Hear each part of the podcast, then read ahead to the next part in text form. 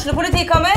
Ine Jansen er purk. Er du purk? The motherfucking bitch. Alt jeg vil, er å finne ut hva som skjedde med mannen min. Jon Carew. Er jeg sikta for noe? Iben Akeli. Det er du. Ole So, Lars Berrum og Big Daddy Karsten. Hvem sin side er du på, egentlig? Anette Hoff, Tone Danielsen, Kommer du fra Afrika? Jørnis Josef, Nesten. Kløfta. Trond Espen Seim, Det er synd å si det, men det var feil mann som døde. Purk. Premiere tirsdag på TV2 Play.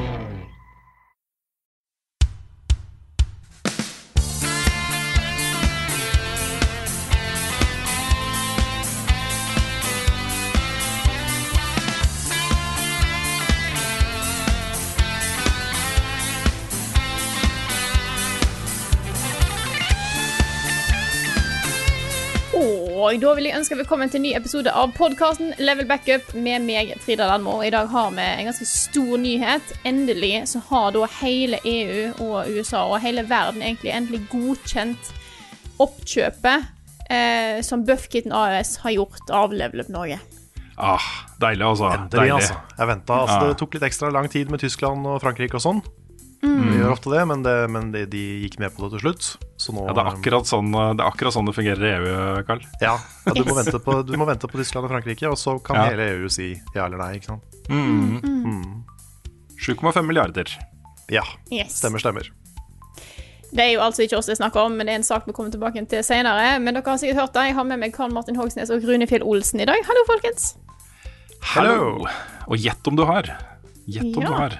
Ja, Mer, mer enn noe enn vanlig, da? Er det da du ja det, er, det er 10% mer. Oi, såpass, ja. hvert fall Ja. så fort jeg får drikke opp kaffen min, så får jeg litt, litt flere prosent. Yes. Men kaffen din er på rett temperatur nå, eller er eh, Ja, nå er den faktisk veldig bra. ja, Jeg bra. drikker den til og med fra en offisiell level up-kopp i dag. Yes. Det, er, eh, det er veldig veldig fint. Men det er jo da ikke, vi er jo ikke kjøpt opp av noen. Vi er jo Buffkitten AS, så det var bare en liten joke i starten her. Ja, bare så dere vet det. Ja, Tuller og tøyser, vet du. Ja, vi Hele det. tiden. Eh, Du vet aldri når eh, vi plutselig bare kommer med en joke inn fra Ordentlig Ordentlige gærne. ordentlige ja, Ordentlig. Gærne, altså. Vi er noen ordentlige luringer. Ukens hotteste. Der mellom spaltene fikk Carl drukket litt kaffe, så da blir det faktisk 10% mer Carl. Bare så dere er klar over det for resten av podkasten. Yes. Eh, men ukens hotteste har vi jo hinta litt om. Det er et stort oppkjøp som nå endelig har blitt godkjent. Og hva er det jeg snakker om nå, Rune? Ja, dette er jo oppkjøpet som, eh, som Microsoft gjorde av eh, Zenimax, som inkluderer da bl.a. Bethesda. Det er den største rosinen i den pølsa. Eh, Men det er også en del andre selskaper. Det er nå da godkjent av Antitrust, hva er det det heter på norsk? Antimonopol? Anti... Det er noe sånt, ja. Det er noe et eller annet. jobber med. Ja, altså Myndighetene da i eh, USA og EU har godkjent eh, oppkjøpet. Jeg kan jo ta et eh, spørsmål her fra Håvard Jacobsen Reikstad, som spør um, Nå har EU sagt ja til at Microsoft kan kjøpe Bethesda. Hva tenker dere om dette, og hva tror dere konsekvensene vil være fremover? Og Her er det jo snakk om da ganske store summer. Det er 7,5 milliarder dollar. Ehm, det er også venta at eh, Microsoft vil holde en pressekonferanse, digital pressekonferanse hvor de skal snakke om eh, hvordan Bethesda og de andre selskapene skal implementeres da i eh, Microsoft og i Xbox-produktene og Windows PC. Mm. De har allerede gått ut og sagt en liten nugget med informasjon som jeg tror er ganske viktig for folk å få med seg. Eh, og det er noen fremtidige Bethesda-spill vil være eksklusive på Xbox og Windows PC. Det har de gått ut og sagt, uten å spesifisere hvilke. Riktig. Og um, det er på en måte Altså, man kan gå ut ifra, mener jeg da, at, øh, at uh, hvis du vil være helt sikker på Hvis du vil være helt sikker på å få først tilgang til nye Elder Scrolls, nye Fallout-spill, nye Doom-spill, eh, Wolfenstein, alle de tingene som de har nå, eh, så er på en måte Microsoft-plattformene det tryggeste stedet å være. Det kommer til å komme ting her. Det kommer til å komme tidseksklusivitet, det kommer til å komme eh, eksklusive bonusepisoder. den type ting. Det er 100 sikkert. Så, men jeg er usikker på om de kommer til å ta Elder Scrolls bort, helt bort fra PlayStation-spillere. Det eh, tviler jeg på. Ja, det tror jeg ikke de gjør. Nå har de jo liksom vært kjent for å være mest en PC-serie, da. enn uh, i alle år, egentlig. Fram til Skyrim Mm. så, så var det jo veldig overvekt av PC-spillere. Vet ikke hvor, hvordan eh, den, eh, den spillebasen er fordelt nå, men for meg i hvert fall så er det egentlig uaktuelt å spille Bethesda-spill på noe annet enn PC. Ja, de funker jo bra på konsoller, da. Ja da, men det er bare noe med liksom Det er sånne typiske førstepersonsspill hvor jeg gjerne vil ha mus og tastatur og hele, hele den pakka. da. Ja, helt Jeg er helt, enig. jeg er helt sikker på at Skyrim er solgt i millioner på millioner av eksemplarer til PlayStation og Xbox. Garantert, ass. Ja, Skyrim Ja er nok det. Skyrim er det. Så nei, det, det, det jeg tror um, Det jeg tror uh, mest på, er at et sånt nytt spill som Starfield fort kan bli Microsoft eksklusivt. Fordi det har ikke en etablert fanbase. Uh, og det kan liksom kjøres ut som en sånn herre Du må ha en Xbox for å kunne spille Starfield, det neste store rollespillet fra Bethesda. Eller Windows Mens- PC. Eller Windows PC. Eller Windows PC. Um, men uh, jeg, jeg tipper at Fallout og, og Elder Scrolls er sånn relativt trygt, da. Um, men kanskje at det blir liksom tre måneders tidseksklusivitet, eller at det blir noen sånne ting. Kan være, eller noe å Få tilgang i veka før, eller et eller annet. Det har jo vært mye forskjellig. eh, Mm. Sånne type ting eh, på spill tidligere. Vi får se hva som Ja. skjer, egentlig.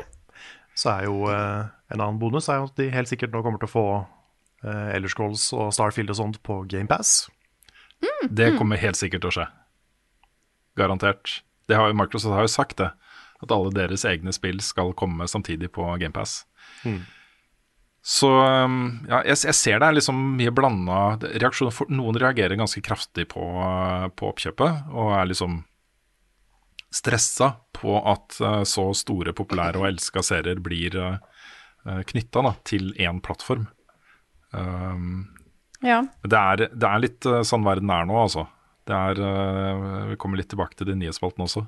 Men du ser liksom de store blir større, og mer, mer sånn beefy. Altså De kjøper og bruker milliarder av dollar på å kjøpe opp ting og, uh, og lage liksom dealer og bla, bla, bla. Mens, uh, mens uh, på en måte indie-verden lever liksom veldig godt som en sånn separat ting. da. Så det er litt sånn verden er nå. De store blir større, og så blir eh, grobunnen for nye alternative, spennende ting enda bedre. Fordi de andre er så svære. Så um, Men eh, jeg er veldig spent også. Jeg er veldig spent på den første announcementen. Hva Microsoft faktisk har tenkt å gjøre med de store Bethesda-seriene Ja, på Xbox. ja, for det har vi lurt på ganske lenge. Det har jo liksom Helt siden den nyheten her eh, først kom, så har det vært mange spørsmål om ok, hva skjer med eksklusivitet, hva skjer med det og den og den serien. Og så har Xbox alltid vært litt sånn ja. De, de har s- svart litt sånn ja, jeg vet ikke. Men det er jo det alle venter på å, å få vite. Men så blir Altså, det jeg- jo Ja, det blir jo også spennende å se, siden Betesta har vært litt hardt i Hva er, hva er norske ord for dette her, da? I hardt vær. I hardt vær Mhm. i, eh, i en stund. Så kan det jo være at eh, Jeg er spent på å se på en måte hva dette samarbeidet eller oppkjøpet da, som det blir, eh, vil gjøre med et så stort selskap. Mm. Mm. Ja, nei, det er, det, er mye, det er mye sånne interessante temaer eh, rundt dette her, altså. Så, eh, så det blir spennende å følge med. Jeg tenker jo at hvis jeg hadde vært Microsoft, hvis jeg hadde hett Runefjell Microsoft, har vært hele Microsoft, liksom. vært Microsoft, ja, Mm. så ville jeg bare sagt uh, sorry, Mac, nå er det bare på Xbox. Det kommer bare her nå. Og Windows PC. Og Windows PC. Og, Windows PC, Mm. Og telefoner og Xcloud og ja, Gamepass, ja. sånne ting. Ja. Men uh, ja, jeg skjønner den veldig godt. Ja, det er liksom, nå har, du, nå har du noe som har skikkelig høy verdi for folk. Ja. Man Du finner- vet jo at Du finner bare nyheter om Bethesda-spill hvis du søker med Bing. Ja, Oi! Oi, ja, da er en, eh, da er en eh, spicy liten take. ja. Men har vi, vi får noe- se, da. har vi noen sånne predictions for eh, fremtid? Altså, hva, hva blir det neste store oppkjøpet? Oi. Ja, jeg, eh, jeg mener jo Jeg nevnte jo det tidligere, men jeg mener jo fortsatt at From Software er en, eh, en skikkelig sånn gullkalv. Ja, hvis de er interessert da, i å selge. Ja, det er jo ikke sikkert. Nei, Nei, det er sant. Og så tenk litt på Men- Square Enix og Sony, f.eks. Ja. Ja, vi så jo, Dette er også en nyhetssak som jeg ikke har ført opp i nyhetsspalten, så jeg tar den nå. Eh, Jeg glemte det, rett og slett. Men Roblox har gått på børs nå. Og umiddelbart så var jo verdien på det selskapet Det kan jeg finne ut i nyhetsspalten. Eh, Det var liksom sånn 94 milliarder dollar eller noe sånt. Det var helt sjukt oh, mye verdt, da. Ja. Over natta, ikke sant? Ja, ja. Det det betyr for de som eier aksjer i Roblox fra før, er jo at de har blitt søkkrike over natta. ikke sant? Og det samme vil jo kunne skje med et selskap som From Software, hvor eh, det sitter enkeltpersoner med aksjer og liksom Hei, jeg kan, jeg kan tjene 10 000 millioner kroner på å selge selskapet vårt, liksom. Selvfølgelig gjør jeg det. Og så, ikke sant? Det kommer inn så mye penger at uh, det er ikke sikkert at eh, det er nok eh, å bare si nei, jeg har ikke lyst til å selge. det er ikke sikkert det stopper et salg, da, fordi det er så mye penger det er snakk om. ikke sant? ja, det er sant, da.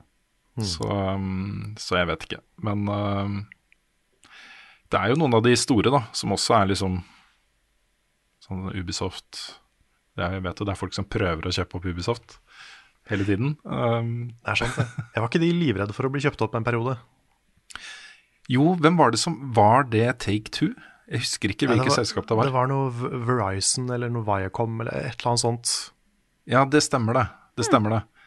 Det er fordi eh, det er jo sånn eh, En ting er jo eh, et vennlig takeover, men det er sånne hostile takeovers. Hvor de bare rett og slett kontakter de som eier aksjer i selskapet og ber om å få kjøpe aksjene. Og til slutt så sitter du der med aksjemajoritet og eier selskapet, Det er litt shady. Ja, sånn er det å være på børs. Ja. Men ja. Jeg tipper det ikke tar så lang tid før vi vet mer konkret da, om uh, Zenimax-oppkjøpet. Eh, nå har jo Microsoft vært liksom litt good guys da, de siste par årene. Vært sånn uh, Venner med Switch og venner med Sony og Det er så god tone, vet du. Det her uh, Får se om det fortsetter, eller om det nå blir sånn derre Sorry, Mac. Det er bare et spill, vet du. Det er et spill for å ta over hele spillverden. Ja, ikke sant. Plutselig, når de er på toppen, så da, da kommer jernhånd. Mm. det var, de var keiser Palpatine hele tiden. Ja, tenk om. Tenk da. Hva har du spilt i det siste? Og den som skal få lov til å snakke først om hva de har spilt, er Rune. Jeg har jo hatt eh, pauseuke, så jeg har jo spilt så mye gøy. det har vært en, eh, vært en fin uke, altså. Så, men jeg kan, kan jo begynne med det som er kanskje mest eh, interessant sånn, med tanke på andre spill jeg spiller mye. Eh, og det er jo denne demoen av Outriders. Det spillet lanseres jo 30. april? Mars? Husker ikke. 1. april? Ikke så lenge til. Men det er en stor, stor beefy demo ute på alle plattformene det kommer til. Eh, hvor du kan spille opp til level 7 og World eh, Tier 5 og eh, grinde ut våpen og masse ting. Da du får en god chunk av spillet. Så jeg Mm. Har spilt det et du har jo ganske mange tusen timer i Anthem. I- Det er akkurat det, ikke sant? Ja. Anthem og Division. Det er eh, mm. 1. Men, eh, april men det- var det. 1. april, ja. Ja. Men, det, men det er jo et sånt spill det er. Det er et Games as a Service-spill, men ikke noe PVP. Det er kun co-op. Eh, så ligner kanskje mer på Division enn på Destiny, kanskje. Um, jeg uh, er litt sånn uh, har middels respons, altså, til, uh, til Demon. Uh, det er ting her som jeg syns er veldig kult. Du har f.eks. mye større frihet til å bygge din egen character. Du har fire forskjellige klasser du kan velge, og det er jo litt basert på de gamle rollespillgreiene. Du har en, liksom en thief og en tank og alle de tingene, eh, med hver sine egne unike abilities. da. Og så kan du da lage flere karakterer hvis du vil, så du kan ha en av hver. Eh, de abilityene er eh, ordentlig stilige, liksom. De, de tilfører en god del til combaten som jeg syns er gøy. Så det å spille det er ganske morsomt. Men der ligner det også ganske mye på Anthem. Fordi det hadde også et ganske kult combat-system og eh, klassebyggesystem. Hvor du kunne liksom sitte og fikle med perks og uh, masse greier. da. Også du fikk mye igjen for å investere mye i karakteren din og bygge uh, abilities som uh, kombinerte godt med hverandre og sånne ting. Men det rundt var liksom ikke fengende nok til at det- var gøy å spille over tid. Så nå er det jo bare en liten chunk, da, starten av dette spillet, som, som er ute. Så det kan jo hende at de har også endgamet er bedre uh, enn det var i Anthem. Uh, men mitt førsteinntrykk er bare sånn OK. Det er sånn OK. så, så jeg er ikke helt on board ennå, altså. det som er største problemet, er historiefortellinga. Altså måten den forteller historien på. Det er så dårlig dialog. Um, og dårlig bygd opp, da. Mm. Men så blir liksom det plutselig avbrutt av oh, wow, dette er fett. På utgangspunktet er så, Det er så kult, da, fordi jorda har gått under, ikke sant.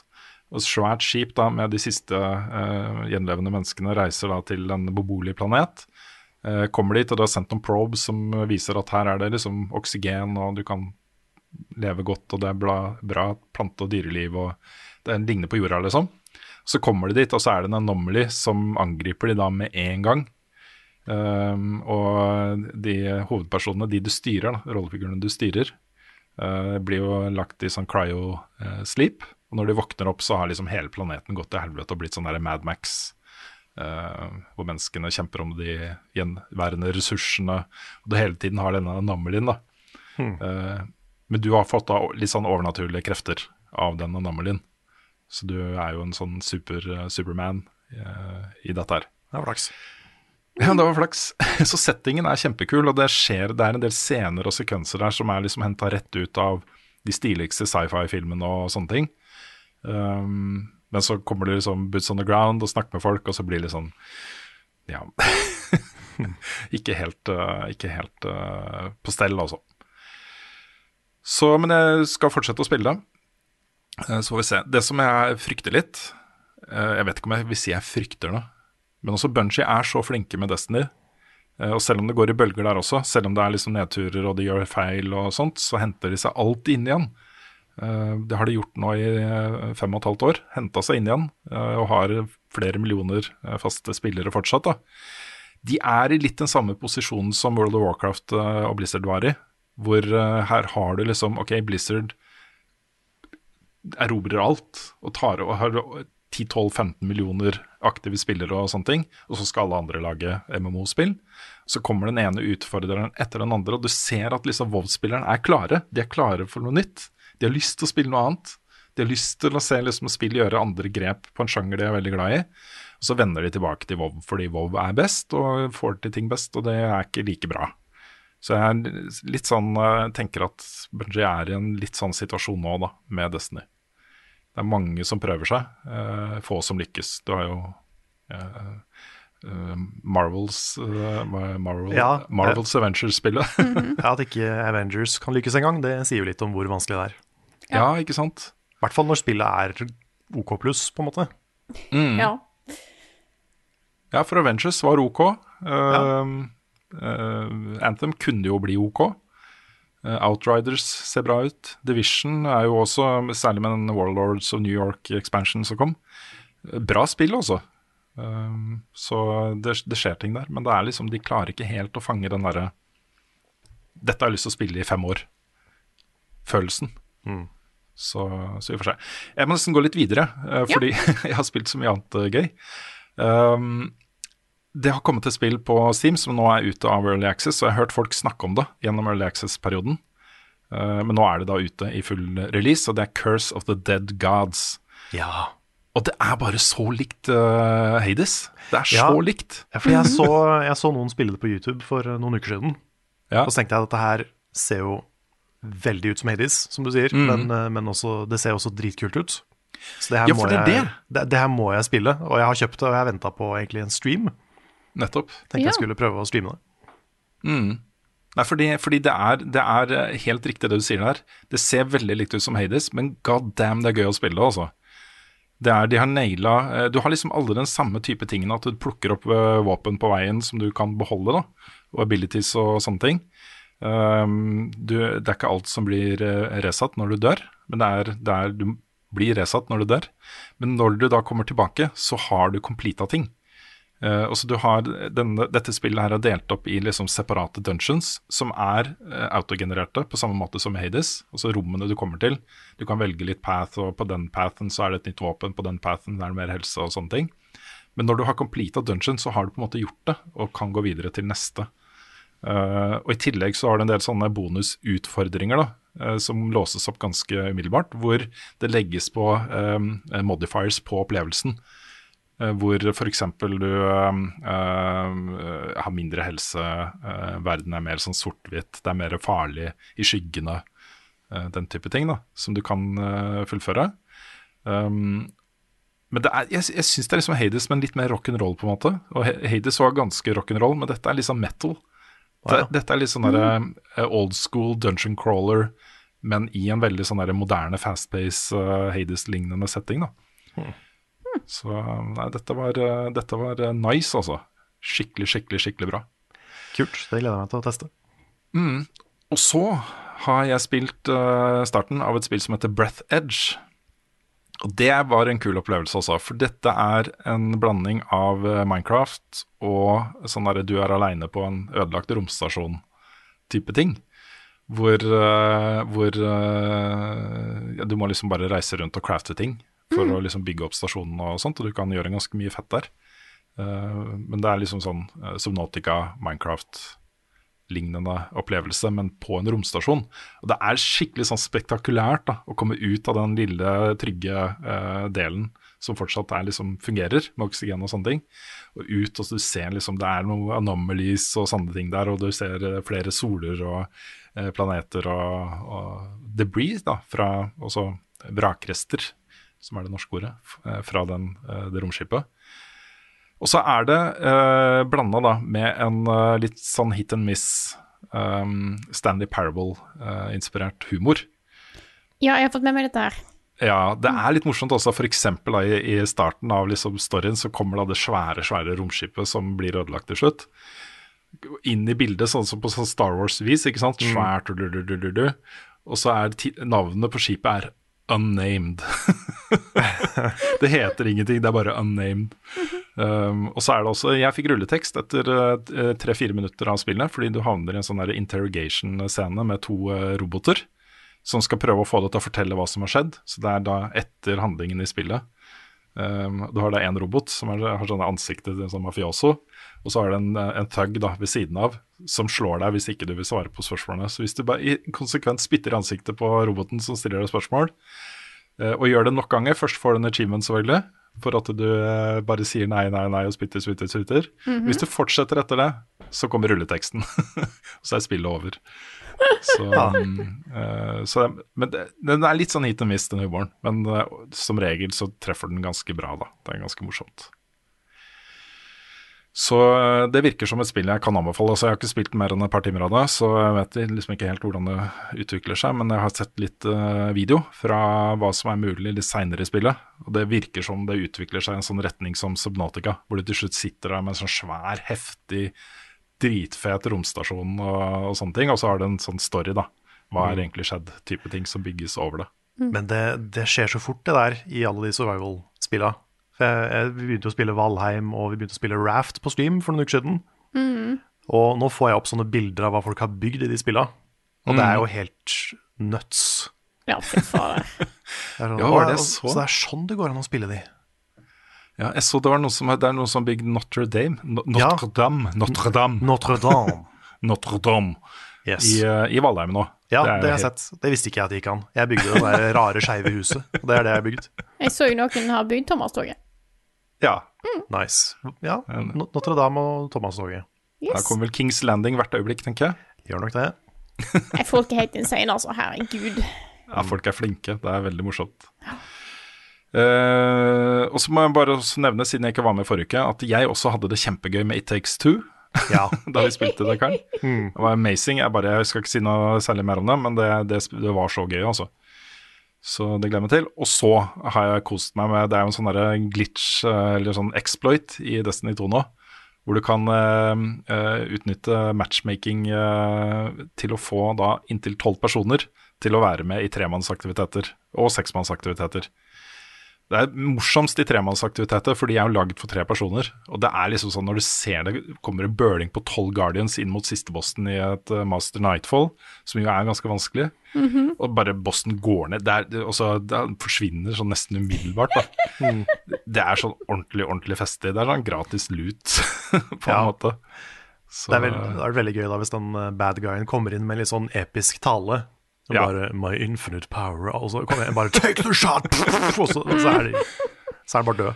Ja, det var en sånn intro da jeg anmeldte Beyond Light. Um, så var det en sånn intro jeg lagde litt. Jeg fikk det ikke helt til, men tanken er liksom Fordi siste bossen der, da, i campaignen, er jo sånn derre ah, Bring it on, Guardians. Let, them, let us show you what we're made of. Liksom sånn veldig sånn cocky, da. Jeg visste jo fra det øyeblikket det sa det, at vet du, hva, det kommer jeg bare til å valse over. Eh, Solo, liksom. Jeg kommer til å ta alle de bossene uten noen særlige problemer. så det er litt morsomt. Uh, men jeg, har- jeg syns Bunji har en veldig fin holdning her. De har gått ut og kommentert det i den der weekly uh, uh, updaten de kommer med. Og sier liksom at vi kommer ikke til å gjøre noe med dette her før Grandmaster Nightfall kommer den 18. mars. Så fram til det så bare, bare kos dere, dere. Det er enjoy the loot, liksom. Uh, men de presiserer da at disse aktivitetene her er ikke designa for at det skal rulle opp en uh, clown car of guardians. så det er litt morsomt. Det er vel eh, det, er vel det jeg har eh, spilt. Ja. Vil du ta over, Frida, eller skal jeg gjøre det? Jeg kan gjerne fortsette. Ja. Nå har jeg endelig fått starte på det spillet jeg har snakket om eh, at jeg hadde tenkt å begynne med en stund. Og det er Olia, Ja. som er jo et slags sånn eh, 2D-pikselert action adventure-type spill. Mhm. Der du spiller en fyr som heter Faraday, som eh,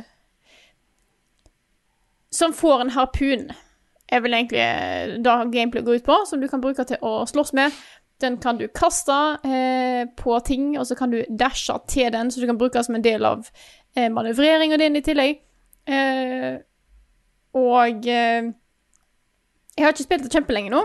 Jeg spilte et par timer. Eh, det var litt tungt å komme inn i, for jeg klarte ikke helt å få et grasp av historien. Jeg vet ikke helt sikkert om jeg har fortsatt gjort det. Så tenkte jeg liksom sånn, hva er det jeg egentlig driver rundt og gjør her? Eh, men du fer egentlig rundt med Du har en hub, da. Oi, beklager. Har, du har en hub som er bare på en måte Der det er litt sånn castaways som bor. Det er en gigantisk brygge, egentlig. Som du kan da oppgradere litt og få litt eh, Hente inn litt folk som da kan lage ting til deg, f.eks. hatter trenger Hatter er jo oppgraderingsting her, så da kan du få en hatt som kan gjøre at eh, angrepene dine gir syredamage, som er jo kjempegøy. Eh, stor fan av det. Eh, og så fer du rundt opp til ulike øyer for å Jeg tror målet er å komme seg tilbake igjen til der du kom fra. Fordi at du var på et skip, tror jeg, og så Ja, mye styr. Eh, men combaten og hele systemet med den harpunen er kjempegøy. Kult. Ja. Og dette var jo du som sendte til meg, Rune. Ja, Du er god på å finne spill til meg, du. ja men, men det er altså indie- indie-markedet har blitt så innmari bra nå. Det kommer så mange gode indiespill. Uh, og det er uh, Jeg, jeg syns det er liksom verdt å bruke litt tid på å, å plukke fram de beste av dem og snakke om de. Så det er, det er både fordi jeg tror det passer for deg, men også fordi det er liksom, dette er spill som vi bør omtale på et eller annet vis. da. Så ja. Ja, helt enig. Nå skal jeg, eh, jeg Jeg gleder meg til å fortsette på det. Om det blir en anmeldelse, får vi får vi nå se. Nå kommer jo snart påskeferien, så da er det plutselig litt ekstra tid som går vekk der. Men jeg har uansett tenkt å fortsette med det. Eh, og gleder meg til å gå rundt og kaste på harpun og ha på meg fin hatt med fjør i, som gjør at jeg bare gjør acid damage all over the place. Mm. Ellers så har jeg eh, begynt på Valheim. Det var eh, Nice. plutselig noen i huset her som eh, havna inn i det, og så hadde jo dere begynt med De våte vikinger. Tenkte jeg at OK, kanskje jeg må teste det litt ut sjøl. Så nå har jeg begynt litt. Eh, litt smått. Jeg har tatt første boss. Eh, Du, er sikkert, du har sikkert lært deg mer enn oss allerede, vet du. Fordi ja, det, vi, altså, når vi spiller, så var det, liksom, det var liksom mest kaos, og så kanskje en av oss lærte én ting, og så lærte ikke de andre den tingen. Men hvis du aleine har tatt første boss, så da er du veldig klar. jeg er ikke alene. Jeg har jo blitt guida ganske kraftig av Petter, da. Ja, okay, okay. Så, eh, så jeg har fått beskjed Dette er lurt. Gjør dette, og hent dette. Og jeg bare sånn Yes! Dette er my kind of experience! Og så springer jeg rundt og bare eh, finner det, og slipper å måte styre med å finne ut hvordan de svarte da systemet fungerer. Så da, mm. da går det litt kjappere. Mm. Så hopp, kanskje Valheim er, Valheim er sjukt eh, Jeg snakka litt om det i spilluka også, men eh, jeg er så sjukt imponert over, eh, over eh, det spillet. Altså, det er jo et seks, seksmanns svensk indieselskap som plutselig tar over hele verden. Og det er det, Dette tenker jeg, det, dette må være inspirerende for norske utviklere. Altså, det er jo ingenting i veien for at en sånn type greie kan komme fra Norge heller. Og det er jo mye tilfeldigheter her, også mye tilfeldigheter og ferdigheter liksom hos teamet. Men Men de ikke, har jo er ikke dette Coffee Stain? De er vel publishere? Ja, de er bare Å, de er publisher. ok. Mm. Nei, altså, det de har gjort her, da, det er jo egentlig å se at ok, survival-markedet er ganske stort. Det er mange som spiller survival-spill og liker survival-spill. Hva kan vi gjøre med det som de andre ikke gjør, og som, eh, som er morsomt å spille? Og så har de eh, fått det til, rett og slett. Det er veldig imponerende. Altså. Over fem millioner solgte spill nå. Det er helt insane. Det er helt crazy. Jeg kan jo um, nevne nok en gang at De våte vikinger rekrutterer jo nye vikinger om dagen. Mhm. Så dere er velkommen begge to hvis dere vil være med neste gang. Mm. Nei, jeg må jo få testa Valheim. Jeg kan ikke ikke spille Valheim. Nei. Nei det, vi får prøve å finne en dag som, eh, som passer for folk. Mm, Så kommer det mer. Valheim på, på kanalen også. herlig. Knall. Men da var vel egentlig meg siden Ja, sist. da kan jeg ta over. Kjør på. Jeg um, kan jo nevne kjapt at eh, anmeldelsen av Persona 5 Strikers er ute nå. Så den, Ah, den er det, den har jeg ikke fått sett ennå. Nei, det vil si den er ikke ute nå nå, men den er ute oh, nei, ja. i, i morgen når podcasten kommer ut. Sorry. Uh, men Jeg har sett eh, et videoklipp for han. Ja, jeg sendte Frida en liten snap i går Kult. med litt, litt klipp fra meg. Um, men eh, i helga så følte jeg litt for å bare gjøre noe helt annet. Så jeg bare slapp alt jeg hadde i henda, og begynte på Mortal Shell. Ja. For det kom jo en PlayStation 5-versjon av det spillet, som hadde 60 frames og litt mer shiny textures og ting og tang. Og jeg hadde jo så vidt begynt på det eh, en gang før og tenkte at nei, vet du hva, dette er litt for tungt akkurat nå. Eh, så jeg begynte igjen. Spilte det i eh, halvannen time, tror jeg. Og merka at øh, dette er ganske tungt. og så la jeg det fra meg litt. Tenkte kanskje jeg skal gi det ett forsøk til. Bare prøve litt til. Og så spilte jeg hele spillet i løpet av helga. ja. Oi, såpass, ja. Mm. Så, så fort jeg kom inn i det, så var det dritgøy. Mm. Og mye av det som gjorde at det løsna for meg, da, det var at jeg fant et litt sånt uh, litt sånn kult triks. Doctors hate it. Um, hvor du kan, fordi du har den der harden-mekanikken som er veldig unik til Mortal Shell. Dette er jo et veldig veldig Dark Souls-spill. Det er av- liksom Av Souls-like-spill så er det det mest Souls-like. Du, kom, du, du du kommer ikke nærmere Dark Souls uten å bare være det. Nei, det er sant, det. Um, så, men det de har, som er litt unikt, det er den der harden-mekanikken hvor du kan holde inn L2 for å bli til stein, basically. Og istedenfor å bruke skjold og, og sånn. Så, og det kan du gjøre når som helst, inkludert midt i et angrep. Så en ting som var ganske, ganske overpowered, da, som jeg oppdaga ganske tidlig, det er at hvis du charger da et sånt heavy attack, et R2-angrep, og så trykker inn harden, så kommer en fiende til å slå deg, og da mister du harden-effekten, og så får de en heavy attack rett i fleisen med en gang.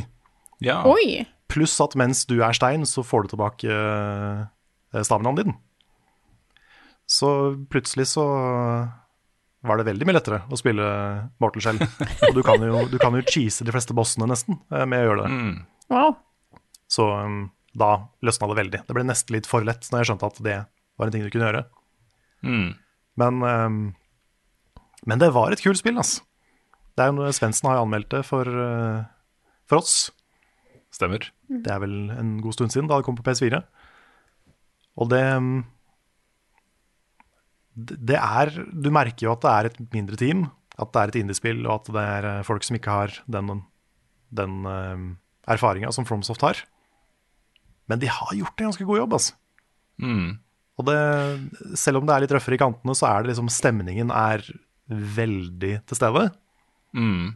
Og eh, level-designet er eh, ganske forvirrende.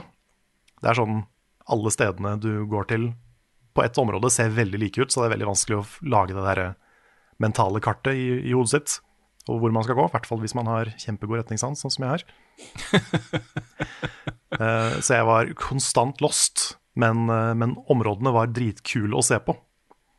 Det er spesielt en sånn kjempesvær, sånn der brutalistisk lignende på Control uh, dungeon, som var sykt kul. Og, og lang og forvirrende. Men den var veldig sånn fantasy og en rar, eh, rar look sammenligna med resten av spillet, og den var veldig kul. Det, jeg har også spilt, eh, spilt Mortal Shell da det kom ut, ikke helt gjennom. Men en ting jeg likte med det spillet Også i Souls-spillene så har du jo liksom 1000 forskjellige våpen og veldig mye sånn nyanser i uh, det å bygge characteren din. Hva du skal fokusere på, om det er strength eller uh, osv. osv. Her er det litt mer fokusert inn mot eh, er det fire eller fem enkeltvåpen som du kan liksom finne ganske tidlig i spillet, og så bygge liksom karakteren din rundt det. Stemmer ikke det? Jo, det stemmer. Du, får du har fire valgmuligheter til våpen, og fire valgmuligheter på builds, på en måte. For du har da disse Du spiller som en sånn et sånt hvitt skall av et menneske, som kan gå da inn og possesse andre mennesker som du finner rundt omkring i verden. Og det er da fire av dem, og de har forskjellige stats, forskjellig HP og forskjellig strength og sånne ting. Mm. Pluss at du da kan mikse det opp med fire forskjellige våpen. Så det er mye mer begrensa. Det er ikke noe leveling eller noen ting. Du, du kan på en måte lære nye abilities med de fire menneskene du possesser, da. Men det er jo ikke noe level-system, ikke noe stats på samme måte. Nei. Så det er enklere sånn sett, da. Nei, konseptuelt så syns jeg det var en god idé. Det er, eh, jeg har sett folk lage jo sånne uh, guider, hvor de liksom bare guider folk rett til et av de fire våpnene. Og så må man løpe gjennom liksom litt områder som du egentlig ikke er i stand til å slåss mot så mye, men du kan bare løpe forbi og bort til det våpenet og få tak i det våpenet, og så er du i gang, liksom. Ja. Det kan være jeg gjorde det litt i starten. Finner noen sånne fancy upgrades til sverd og sånne ting, som bare gjør startingområdet ganske mye lettere. Ja. Men øhm, nei, det var kult. Det var, det var gøy å bare fordype seg i det i, løpet av en helg. Det er mye kortere enn eh, Soul-spill. Så det er vel en kanskje sånn ti timers opplevelse hvis du dør en del, som jeg gjorde. Så øhm, kan, kan anbefales hvis du på en måte er desperat etter et mer Souls. Det er jo ikke noe Demon Souls, så hvis du ikke har spilt det, så heller spill det. Men, men det er liksom Det er mye her, da. Og det er kult å se et liksom, så lite team, et så nytt team, få det til såpass bra første gang. Ja, Vi ser også en, en annen viktig ting med disse små indiespillene som kommer ut, og som, ha, som er på en måte toucher inn mot Triple A, og som, som er på en måte veldig gode. da. Um, når, når du får bare en viss sånn moderat suksess til lansering, og de klarer å uh, holde seg ved spillet og videreutvikle det, og uh, da lage f.eks. en PlayStation 5-versjon med 60 FPS og på en måte lansere det litt på nytt, at det, de holder det i live og videreutvikler det, så blir det fort uh, ganske store suksesser, altså. Som, uh, som også er sammenlignbart med uh, ting som er lagd av større teams og sånne ting. Og det er, eh, det er interessant å følge med på. Det er det. Og jeg håper at de lager et Mortal Shell 2, eller i hvert fall noe, noe lignende. Fordi det teamet her er sånn de, Du ser at de er flinke, på en måte. De har potensialet til å få til noe dritbra. Og Mortal Shell er bra, men det er ikke helt der oppe, liksom. Så øh, hvis de klarer å heve seg et hakk til til neste gang, så blir det jo Da blir det sykt spennende å følge med på de. Denne er jo kjempebra. Ukens anbefaling. Og første anbefaling, fordi vi skal ha to i dag, Oh yes. eh, som er fra Carl, og litt fra meg. Ja, ja fordi Så, øh, ja. det er, det er opptil flere som har mast på deg om å se den videoen her. Det jeg har fått altså så, Oi, det er dette der er snø ned fra vinduet mitt. eh, Eller fra taket. Det er knakk Ah. litt. Nå er det fint. Eh, ja, det er altså så mange som har eh, Det er to. Men det er flere som har eh, anbefalt meg dette her. Eh, Ja. Så da kan jo Da kan jeg skrive under på at det er en god anbefaling, Karl. Ja, men det er bra, for jeg er da en av de som har anbefalt dette her for Frida. Um, og det er en video, en YouTube-video, som er nesten to timer lang. Det er en ganske, ganske kraftig commitment for en YouTube-video, det, det er jeg klar over. Og i tillegg så handler den jo da om Sonic-animasjon. Yes. Og det er kanskje mange nå som da tenker at jeg vet ikke om jeg gidder å dedikere to timer på YouTube til en video om Sonic-animasjon. Men dette er da kanalen New Frame Plus. eh, en fyr som heter Dan Floyd, som har bakgrunn i Pixar og litt forskjellige ting. Som har lagd en utrolig eh, velprodusert eh, sånn fantastisk klippet sammen video. Skikkelig mm. production value. Hvor han har så analysert. Ja, det må ha tatt Jeg tror han har jobba over et halvt år på den videoen her. Å, fy fader. Um, hvor han har spilt gjennom hvert eneste mainline Sonic-spill. Analysert animasjon, liksom hvordan eh, ting har endra seg underveis. Fra 2D til 3D, fra Master System til Megadrive osv. Og hva det sier om liksom, karakter og personlighet, eh, funksjonalitet i animasjoner og sånne ting. Så det blir en veldig sånn kul eh, Nesten dokumentar om spillanimasjon, føler jeg. Hvor du får, um, du får litt det der historieblikket. Det er ikke alltid gamle spill har dårlig animasjon, og det er ikke alltid nye spill har god animasjon, men du ser liksom likevel den utviklinga i spillmedia. Um, og hva de får til med, med cartoony og realistisk av og til eh, animasjon i spill. Så um, det ble en veldig sånn kul, sånn, et veldig kult historisk tilbakeblikk for meg. Nå har jeg, nå har jeg et litt spesielt forhold til Sonic-spilla, for det var de jeg vokste opp med. Men uh, uavhengig av om man har det, da, så er det her dritinteressant, syns jeg. Og jeg syns animasjon også er kjempespennende. Og det, å- det å bare se hvordan det har forandra seg Det er spesielt veldig morsomt det segmentet om Sonic Adventure 1. Ja. Hvor, uh, hvor bare de har skrudd opp ansiktsanimasjoner til 5000. og alt, hver eneste muskel i ansiktet beveger seg hver gang de sier, sier et lite ord. Så det er gøy å se på. Der var vi en gang. ja. Så um, Nei, det er, eh, kan varmt anbefales. Og så er det Han er veldig flink til å formidle, veldig behagelig å høre på. Og generelt sett så er Newframe Plus en uh, kongekanal, hvis man er litt interessert i animasjon. Jeg må si at jeg har lært masse eh, om eh, på en måte, hvorfor noen ting funker, og hvorfor noen ting ikke funker. Nå gir eh, Altså, har jo, vi har jo snakka om animasjonen i Sonic Adventure 2, når vi har spilt da, eh, og da ble jo motion capture, som hørtes jo kanskje litt kult ut, men nå har jeg skjønt hvorfor det ikke alltid er en god idé. Ja, Eh, og nå har jeg endelig forstått hva det er med den animasjonen som jeg ikke liker. Fordi at jeg aldri helt syntes det var helt bra, men jeg har ikke helt skjønt hva det er, og nå har jeg fått liksom et ord for det. Eh, ja det er fordi en, en ekte mann sto og overdrevent mocappa Sonic, Ja. rett og slett. Men jeg må òg si da at en av eh, spillene som tok eh, cinematic-animasjon i Sonic inn på rett kjør, var Shadow the Hedgehog, gjør meg altså bare så fornøyd. Ja, Ja. det er ganske morsomt. Ja. For det var, liksom, det var der det virkelig begynte å gå nedover for serien. Men animasjonen var fortsatt på vei oppover. Så ja, det er eh, en veldig spennende video som eh, bare jeg varmt kan anbefale. Yes. Mm. Kan du gjenta hva den heter, og hvor du finner den? Den heter, Jeg skal dobbeltsjekke hva den heter, men den ligger på kanalen Newframe Plus. Og den heter, skal vi se The Animation of Sonic Games.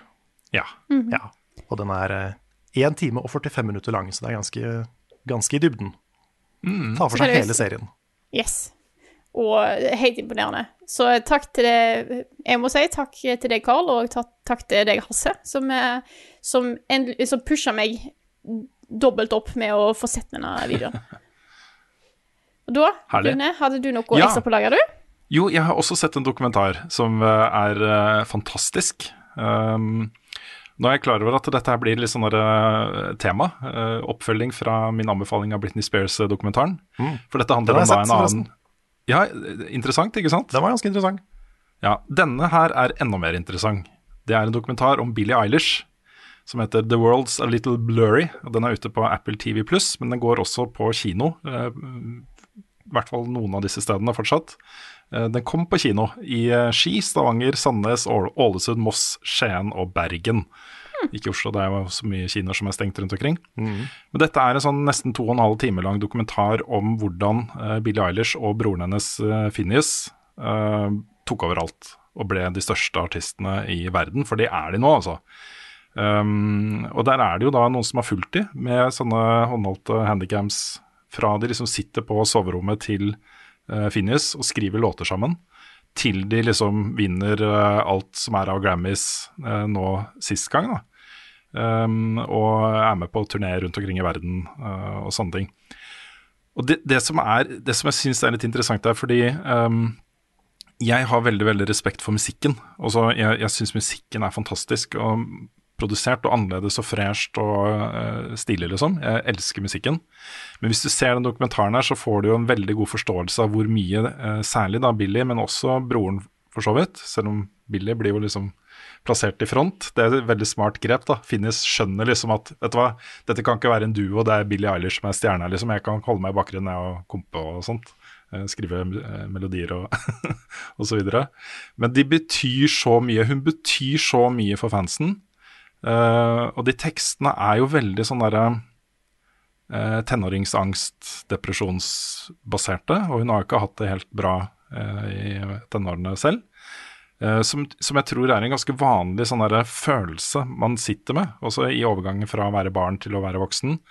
Uh, man kan kjenne seg igjen i mye av de tingene som virker veldig veldig store og uoverkommelige i den alderen, men som senere kanskje viser seg å kanskje ikke være så alvorlige likevel. Men der og da så betyr det alt, ikke sant. Uh, og den måten tekstene treffer hennes publikum på, er liksom er, Jeg syns det er ganske uh, interessant å se, fordi um, det er mange, da, særlig voksne, særlig mange godt voksne, som har så lett for å se på liksom, ungdommer og unge mennesker som liksom, noe uvesentlig. Noe som, altså, det de holder på med, er, har ikke noe verdi.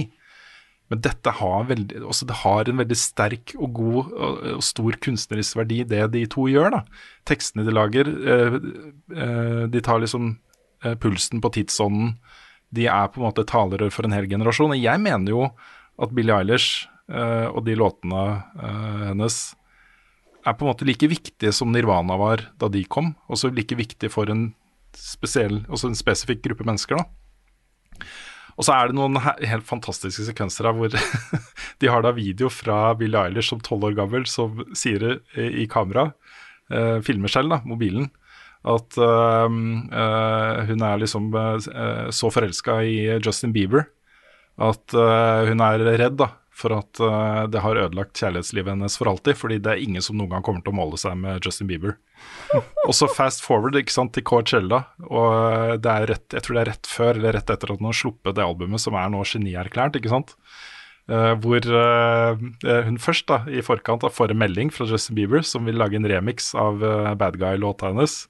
Og så treffer de hverandre da for første gang på en sånn VIP-område på eh, Coachella. Og hun står jo først liksom bare sånn Hun er jo helt, helt paralysert. Hun vet ikke hva hun skal gjøre.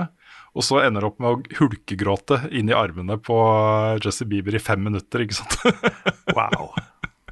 Så eh, det er mange sånne flotte, flotte scener. Mm. Men det som er kult her, dette er Bill Eilish og Phineas er så autentiske, så genuine, så eh, ekte, da i det de formidler, at uh, det er en sånn utrolig flott motvekt da, til disse låtene produsert av tolv forskjellige mennesker uh, etter en mal som en formel som treffer, ikke sant. Dette mm. er, dette er bra på en helt annen måte.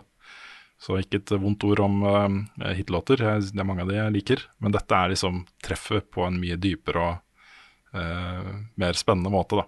Mm. Baby, baby, baby, oh. ja, ikke sant. Nei, jeg anbefaler Se den dokumentaren også. Den er kjempesterk. Veldig god dokumentar. The Kids Are All Right. Her kommer nyheter med Rune Fjell-Olsen, og han har ikke hår. Ja, for de som har sett uh, spilluka, så er jo dette gamle nyheter. Og i hvert fall hvis man satt og fulgte med på dette live på uh, Twitch-kanalen til Lolbua. Men forrige uke så ble jo da spillprisen uh, gikk av stabelen i forrige uke. Og Spillprisen er jo den årlige kåringen av de beste norske spillene. Hvor uh, det er fire fagjurypriser, som beste tech og beste art og sånne ting. Og så er det tre pressepriser, hvor da jeg også satt i juryen i år. Uh, sammen med uh, Spillbart, Pressfire og Game Reactor. Um, og dette gikk jo da som sagt live på Lolbua. Det var ikke Lolbua som fikk jobben, det var jo Spillrevyen denne podkasten til Jon Cato og Lars Rikard, som er veldig veldig, veldig flinke til å følge med på den norske spillbransjen. Så det er veldig naturlig at de fikk den, og det, de gjorde en veldig god jobb med streamen også. Jeg syns det var en kjempebra stream. Mm. Spennende å følge med på.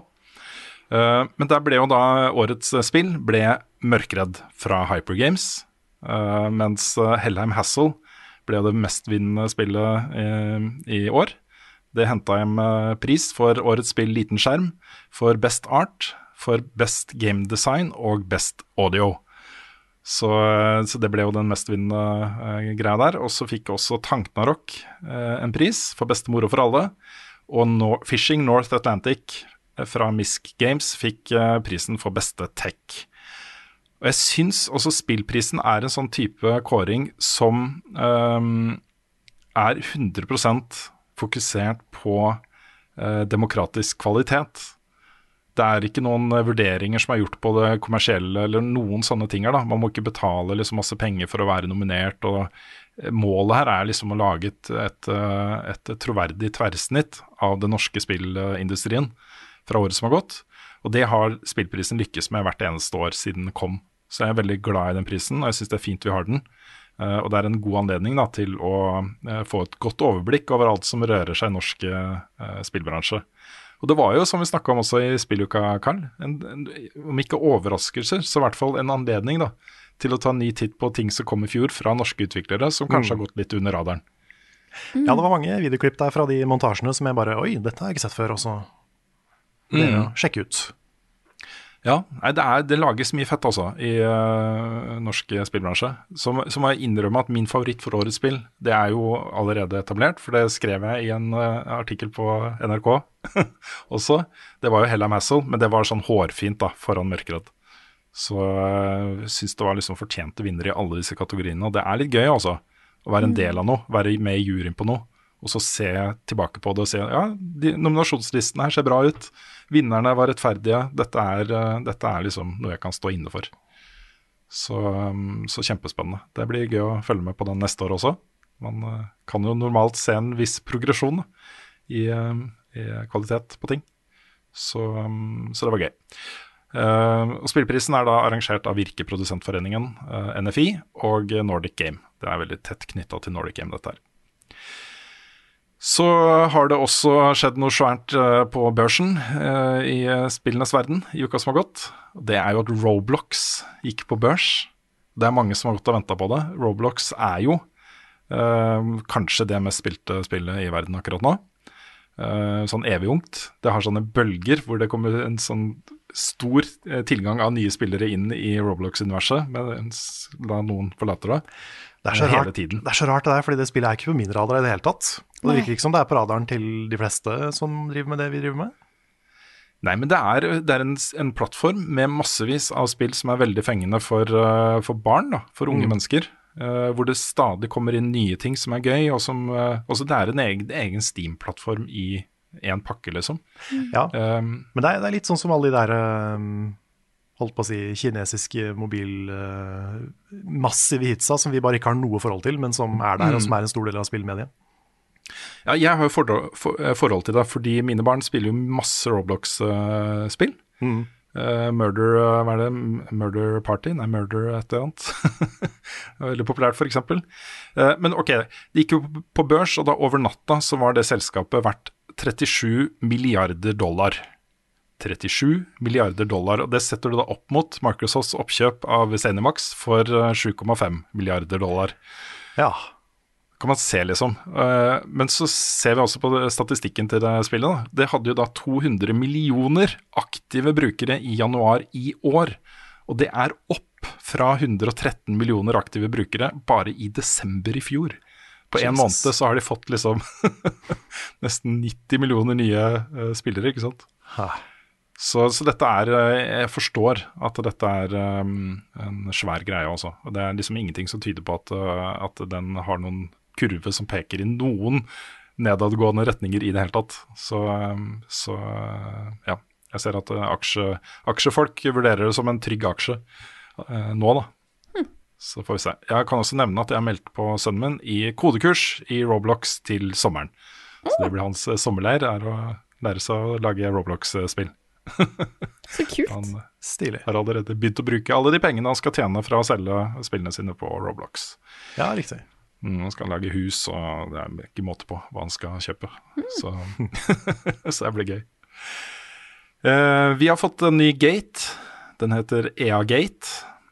Uh, og det er da viser seg at en angivelig EA-ansatt nå selger uh, FUT-kort, altså Fifa Ultimate Team-kort, på svartebørsen til tusenvis av kroner.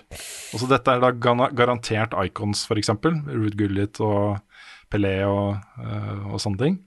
Som folk da eh, betaler sånn fra liksom 500-700 dollar for, til liksom 2000-3000 dollar for en eh, konkret spiller. da. Konkret pakke med spillere. Det er jo, eh, dette er jo eh, dramatisk. Eh, EA vet jo ikke Har jo ikke noe svar ennå, men de sier de har starta en etterforskning.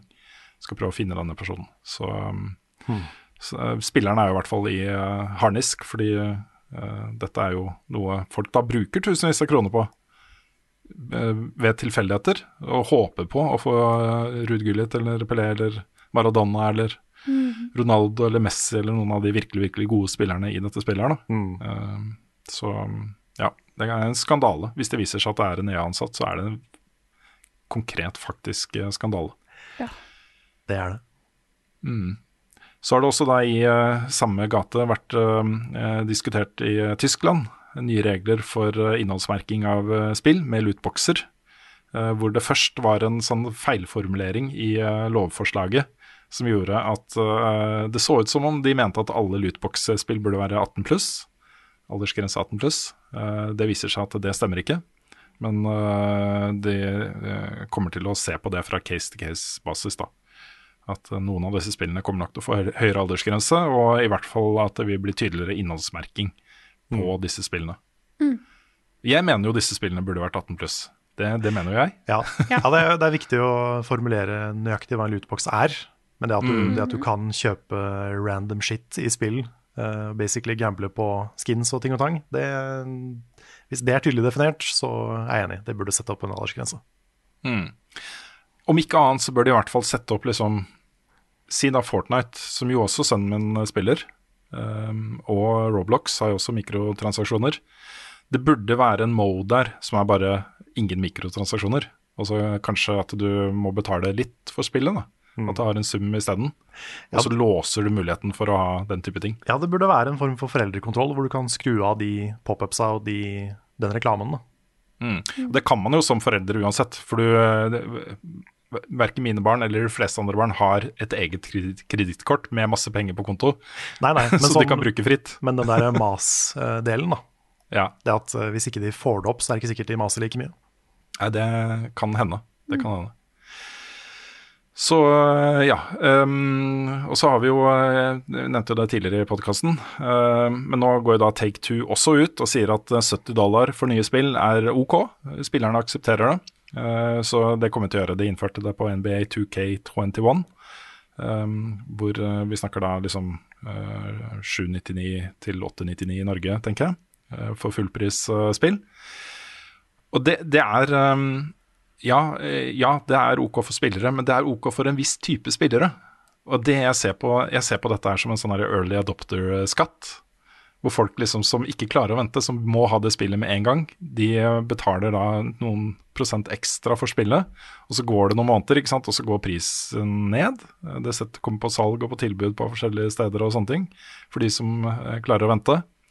Men det betyr også, eh, som jeg nevnte tidligere, at det vi, ser, liksom, det vi ser nå er et større gap da, mellom blockbuster, Triple A blockbuster fra de store, store selskapene, og på en måte en, en utrolig vital indie-verden, hvor du har da sånne suksesser som Valheim og Loop Hero og Mangus og alle disse tingene som kommer opp og får millioner av spillere over natta, ikke sant.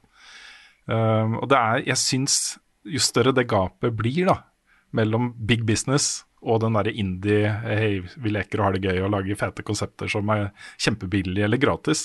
Um, jo større det, det gapet blir, jo mer spennende blir det, på en måte. Syns jeg. Ja, Men også er jo NBA 2K er jo verstinger på mikrotransaksjoner allerede. Så eh, hadde jo, hadde jo vært hyggelig om de satte opp prisen for å unngå å være det, men det er vel, Ja. det er vel heller et tilfelle av begge deler. Ja. For Argumentet her er jo at det er dyrere og dyrere å lage spill. Mm, Eh, og den ser jeg. Ja, jeg jeg forstår det, altså.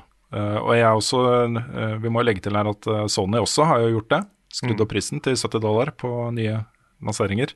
Og jeg personlig er jo villig til å betale den prisen for God of War. Altså, jeg klarer ikke å vente med God of War. Eh, og vil jo også kunne si at ok, så lenge ikke det er masse mikrotransaksjoner og annen dritt rundt det spillet, og spillet er kjempebra, noe av det beste jeg har spilt, så er det jo verdt 70 dollar. Selvfølgelig er det det, egentlig. Altså sånn, eh, ja. Så, øh, men øh, folk er nok klar over at bare man venter litt, så må man ikke betale full pris for spill lenger. Det har blitt mye, mye fokus på salg og sånt her. Mm. Jeg ser, eh, litt, jeg ser Nintendo sitte i hjørnet der og ler. Eh, påstanden om at spill blir billigere, men det var, det var, det var litt rart. Ja, ja, fordi Nintendo er spesielle på det der. De har jo aldri satt ned prisen på spillene sine. Nei. Nei.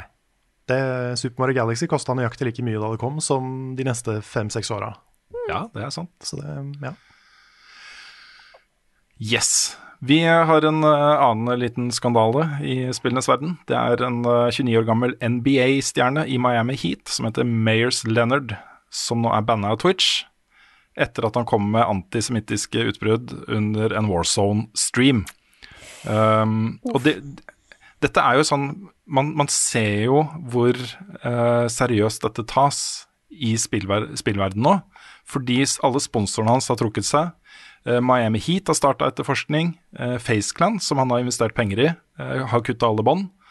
Eh, og så sitter da um, uh, Mayers Leonard der igjen og sier 'jeg visste ikke hva det betydde'. Nei, ikke sant. Nei.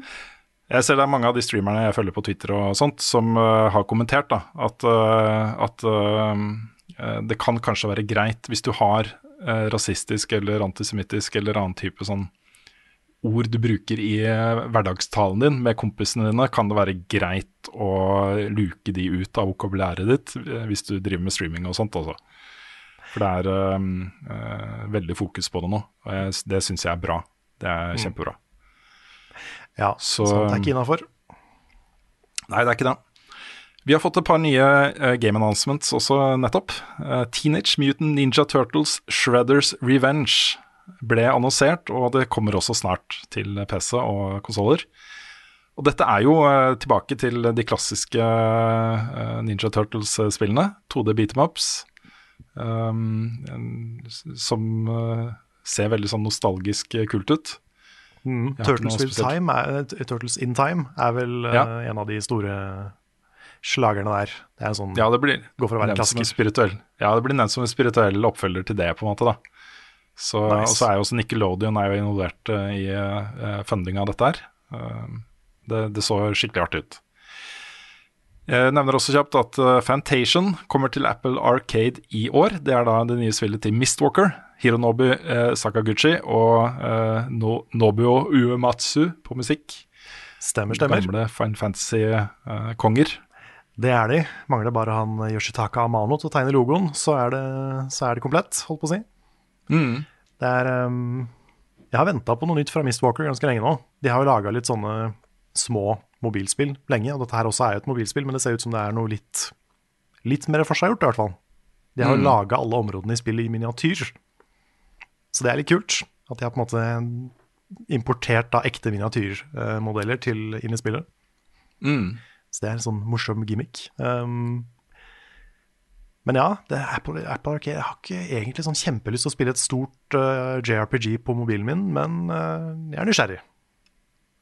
Ja, jeg likte den eh, måten de bygger opp uh, verdener på her, hvor de på en måte har eh, bygd opp sånn, eh, hva er det de kaller, dioramaer, er det de kaller det?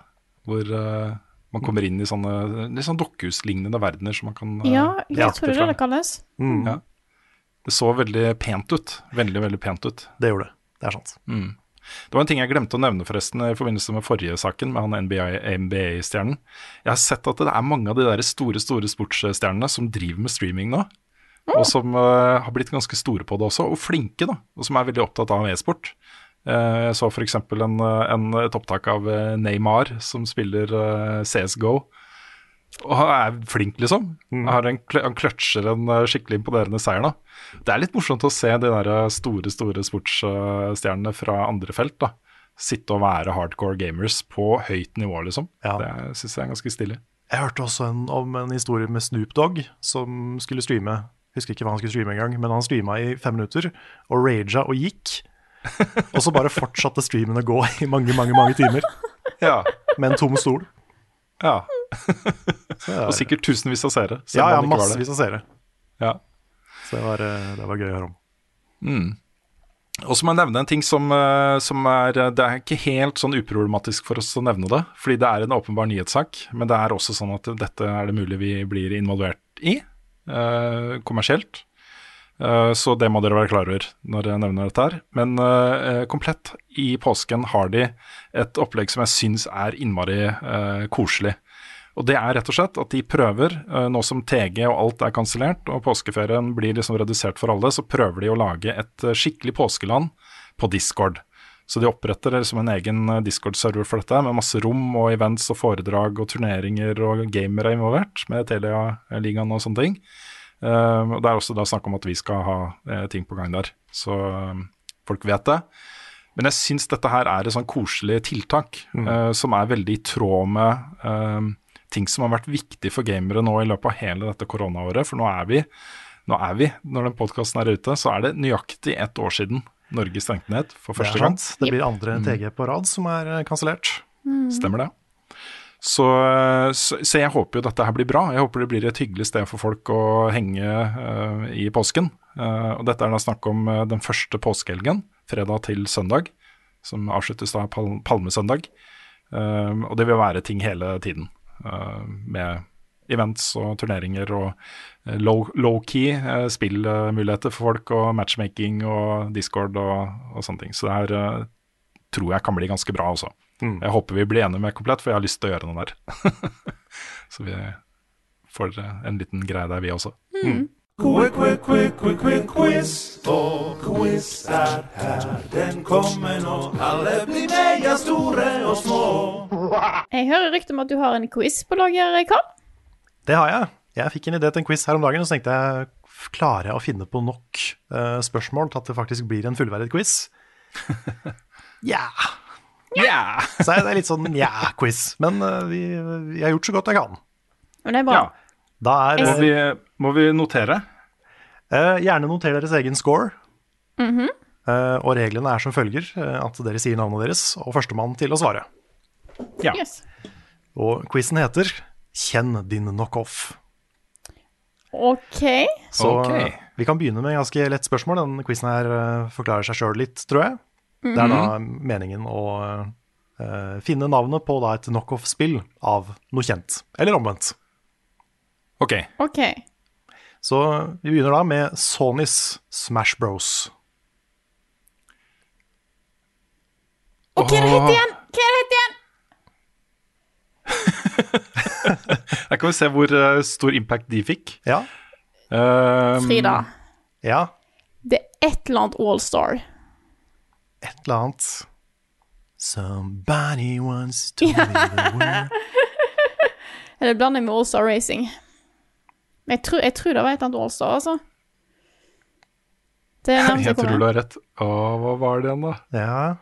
Going once, going twice. Du kan få et halvt poeng, Frida. Jeg tar et halvt poeng. Fordi Ja, det, og så er det noe royal in, royal in der også, tror jeg. Mulig jeg husker feil. Ja, nå er det, sånn, det er kanskje et halvt poeng til dere begge to. Fordi okay. spillet er PlayStation Allstars Battle Royale. Ja, ikke sant. Så ok, dere skal få et halvt poeng hver. Da kan jeg godta. Ja, så det blir vanskelig sånn, å notere, da. en liten bit av poenget, begge to. Den her er jeg spent på om dere husker, for det, her, det spillet jeg kjøpte faktisk jeg en gang. Jeg husker ikke Oi. hvorfor jeg gjorde det engang, men, ja. um, men jeg skulle på noe fest og noe greier. Xbox sin SingStar. Rune. Mm. Lips. Ja, det er riktig. Alle dager. Har ikke Det hørt er om helt riktig. Den trodde jeg de fleste hadde glemt, så det var kudos. kudos. -hmm. Sonic sin Mario Party. Dette er et ganske obskurt spill. Har Sonic Ja, hatt et en Mario Party-spill? Han har hatt noe kjennskap til den. et Mario Party. Åh, det da har ikke jeg peiling på. Rune. Ja. Sonic Allstars. Nei, Royal. det er feil. Dere har ikke peiling. Nei. Sonic Shuffle. Wow. Ja, Og du OK. bruker okay. kort istedenfor terninger. Men det er basically Ha. Mario Party. Ok. Uh, Xbox sin second screen, da Nintendo hadde Wii U og Sony hadde Remote Play på Vita Hva hadde Xbox? Oh, dette kan jeg egentlig ikke huske noe av engang. Nei, det Dette var, en, vet jeg. det var en big deal i noen år. Eller det ble presentert som en big deal. Ja, men da Rune. husker jeg at ja. Ja. Zoon. Nei. Nei. Men var det ikke noe sånt, da? Nå. Å, hva pokker, da. Vi hadde jo mye rart for seg da, Microsoft, med de TV-greiene som de satsa så sjukt hardt på, som jeg aldri hørte noe av igjen. Mm Eh, Men jeg har ikke noe, jeg kom ikke på noe her. Jeg klarer ikke å hente det ut fra bakdelen av hodet, Karl. Nei, da sier jeg det. Mhm. Smart Glass. Å ja. Nei, det hadde jeg ikke Det hadde jeg ikke klart å huske, tror jeg. Nei. Nei. Ja, det var noen spill som hadde Smart Glass-integrasjon. Jeg vet ikke hvor mye det ble brukt. Ja, For jeg husker greia. Ja. Det var Gears og et par andre hadde det, husker jeg. Ja, du kunne få opp maps og sånn på, på Ja, iPaden nettopp. din eller whatever. Ja, stemmer det. OK. Um, og så snur vi det på hodet. Oi. Nå er jeg ute etter spillet som Angry Birds kopierte. Oi! Og dette sitt, Det er et eller annet som, som, som lurer bak i hodet mitt nå. Åh. Men hva i svarte var det, da? Du hadde Jeg ser det for meg, til og med. Ja. Jeg ser det liksom for Jeg meg. spilte det masse på, uh, på browsers. Ja, fordi det var jeg, Kan være det inneholder en katapult. Ja. For jeg vet hva spill det er. Mm. Jeg husker ikke hva det heter. Ja, du, Rune? Jeg kommer ikke på det. Jeg, det, er så sånn, det, det er så nærme. Det, jeg kan se liksom Jeg kan se det, men det er i tåke. Ja. da tror jeg at jeg må si det. Ja, det er greit. Crush the Castle. Ja, Ja. Jeg tror ikke jeg hadde husket det, altså. Nei, jeg hadde Nei. ikke kommet på det. Da går vi videre. Wisdom Tree sin religiøse versjon av Wolfenstein. Det er da en, en klone av Wolfenstein, gamle Ja. Wolfenstein, Ja. eh, laga av et, eh, det religiøse spillstudio Wisdom Tree. Nei, det husker jeg ikke. Nei. Nei, hvis ikke du har hørt om det, så er ikke det så rart. Jeg har Det- hørt om det, men jeg husker ikke hva det heter. Det heter. Super Noahs Ark 3D. Ja, ikke sant. handler om at du istedenfor å skyte nazister, så skal du skyte mat på dyr Ja, for, å, for å mate de. selvfølgelig. Um, så snur vi det på hodet igjen. Hei. Spillet som tungt inspirerte SimCity-serien. SimCity er en kopi av. på Ja, måte. ja, ja, ja, Hva ja. var det igjen? For dette òg har jeg hørt noe vagt om. Det her, dette burde jeg vite. Fordi at altså, SimCity var jo den største i denne sjangeren i mange, mange år. Men hvor da kom fra? Å, dette her har jeg hørt om en gang, men jeg kom ikke på det. Å, dette er noe jeg. Yes. Ja, det er kjempeirriterende. Ja. Ja, Takk for at du lager en så irriterende quiz. Ja, jeg skjønner at jeg har laga en ganske vanskelig quiz. Jeg husker ikke. Nei. Utopia. Ja. Utopia var uh, SimCity før SimCity. Der, er, eh, skal, dere skal få en litt lettere enn nå. Takk. The Simpsons sitt GTA. Frida, Ja, Uh, det er jo sitt Er ikke det hit and run? det er helt riktig. Simpsons Hit and Run. For nå var jeg usikker på hva var det inspirert av, eller hvilket spill de Ja, altså, serien jeg satt og The tenkte på. Simpsons-serien sitt GTA, på en måte var Ja. spørsmålet. Ja, ja. Jeg burde, burde kanskje vært litt tydeligere på det. Uh, og nå er jeg ute etter Disney sin Mario Kart-kopi på Nintendo 64. Å, Disney herregud, sin. Mario Kart-kopi. Man snakker Og jo ofte 64, om, da er jo det, det er low blow, eh, ja, jeg man, man snakker jo ofte om liksom Diddy Kong Racing og Mario Kart. Det var ett prikk likt kartingspill til på 64. Det kan jo ha vært knytta til en av eh, filmene eller sånn, Toy Story eller Det Kan Jeg tror, være. ikke, jeg tror ikke dere får det til. Nei. Nei. Det var, det var godt teppa, men det, det er Mickey's Speedway USA. Ja, det har jeg hørt om. Ja, og det var Ja. faktisk litt gøy. Jeg leide det en gang på, eh, på videobutikk. Hmm. Nå har dere likt med poeng, har dere ikke det? Jeg tror det. Ja. Jeg har ett og et halvt. Jeg har ett og et halvt. Fordi det er bare ett spørsmål igjen. Jeg, har, jeg blir imponert hvis dere klarer det. Mm. Segas eh, Zelda-klone. Altså det første Zelda. Eh, OK, da tror jeg ikke et Sonic-spill. Nei. Men da Men det er basert på en uh, semikjent Sega-IP. OK. Men kom det rundt uh, i, i cirka samtidig som første Zelda-spillet, da? Ja, litt etter. OK. Rune, du som har vært game en stund. Ja, det, ikke sant. Jeg har et navn i hodet, men eh, jeg er så redd for å si det, i tilfelle det er bare feil plattform og alt mulig rart. Men det er en spillserie jeg ikke har eh, spilt selv, da. så, så hvis jeg kan uh, ta det som disclaimer Ok, først, og så sier jeg Rune. ja. Ark the Lad. Den kjenner ikke jeg heller til, faktisk. Men det er Nei. feil. Jeg, Jeg tror det er en PlayStation, skjønner du. Ja. Jeg tror ikke jeg har noe. Nei. Ok. Jeg kan gi dere ett hint til. Hvis dere klarer å gjette riktig franchise, så vinner dere. Ok. Det er en spillserie som vi har spilt i Kosekveld. Opptil flere ganger. Vi har spilt to av spillene på Kosekveld. Oi. God damn. Det er dårlig gjort, Carl. Å, men i alle åh. Den er eh, en litt sånn 2D beat em up i, i, i samme kategori som Turtles in Time, som vi snakka om i stad. Frida? Mhm. Altså, jeg vet jo ikke har spilt mye Streets of Rage. Det er ikke Streets of Rage. Nei. Jeg prøvde å finne ut hvordan i svarte det kunne være en Zelda-klone, men jeg tenkte jeg skulle bare prøve meg fram. Jeg er fornøyd med uavgjort. Da ble det uavgjort. Riktig svar var Golden Axe Warrior. Å ja, Golden Axe, ja! Golden Yes. Ikke det du har en klassiker Yes. om? Nei, det spillet hadde ikke jeg hørt om, men det er visst en, okay. eh, en veldig tidlig Zelda-klone. Hva er det jeg blander det med, da? Du har hatt et eller annet sånn eh, klassiker med en av disse eldre. Jeg blander. Men Jeg gir eh, quizen din terningkast tre. Ja. jeg Jeg gir var en litt fornøyd, terningkast for fire. den var litt jeg- vanskelig. Ja, Jeg jeg, gir var terningkast fire, for jeg har lært mye nytt. Jeg føler meg dum. Ja, men det um, That sounds like you problem. Og jeg, kan, jeg kaller meg selv en spilljournalist. Ja. Rune. Nei, Jeg måtte grave litt dypt for å finne de spørsmålene her, men det var, eh, jeg synes det var gøy at det var litt vanskelig. Så jeg er fornøyd.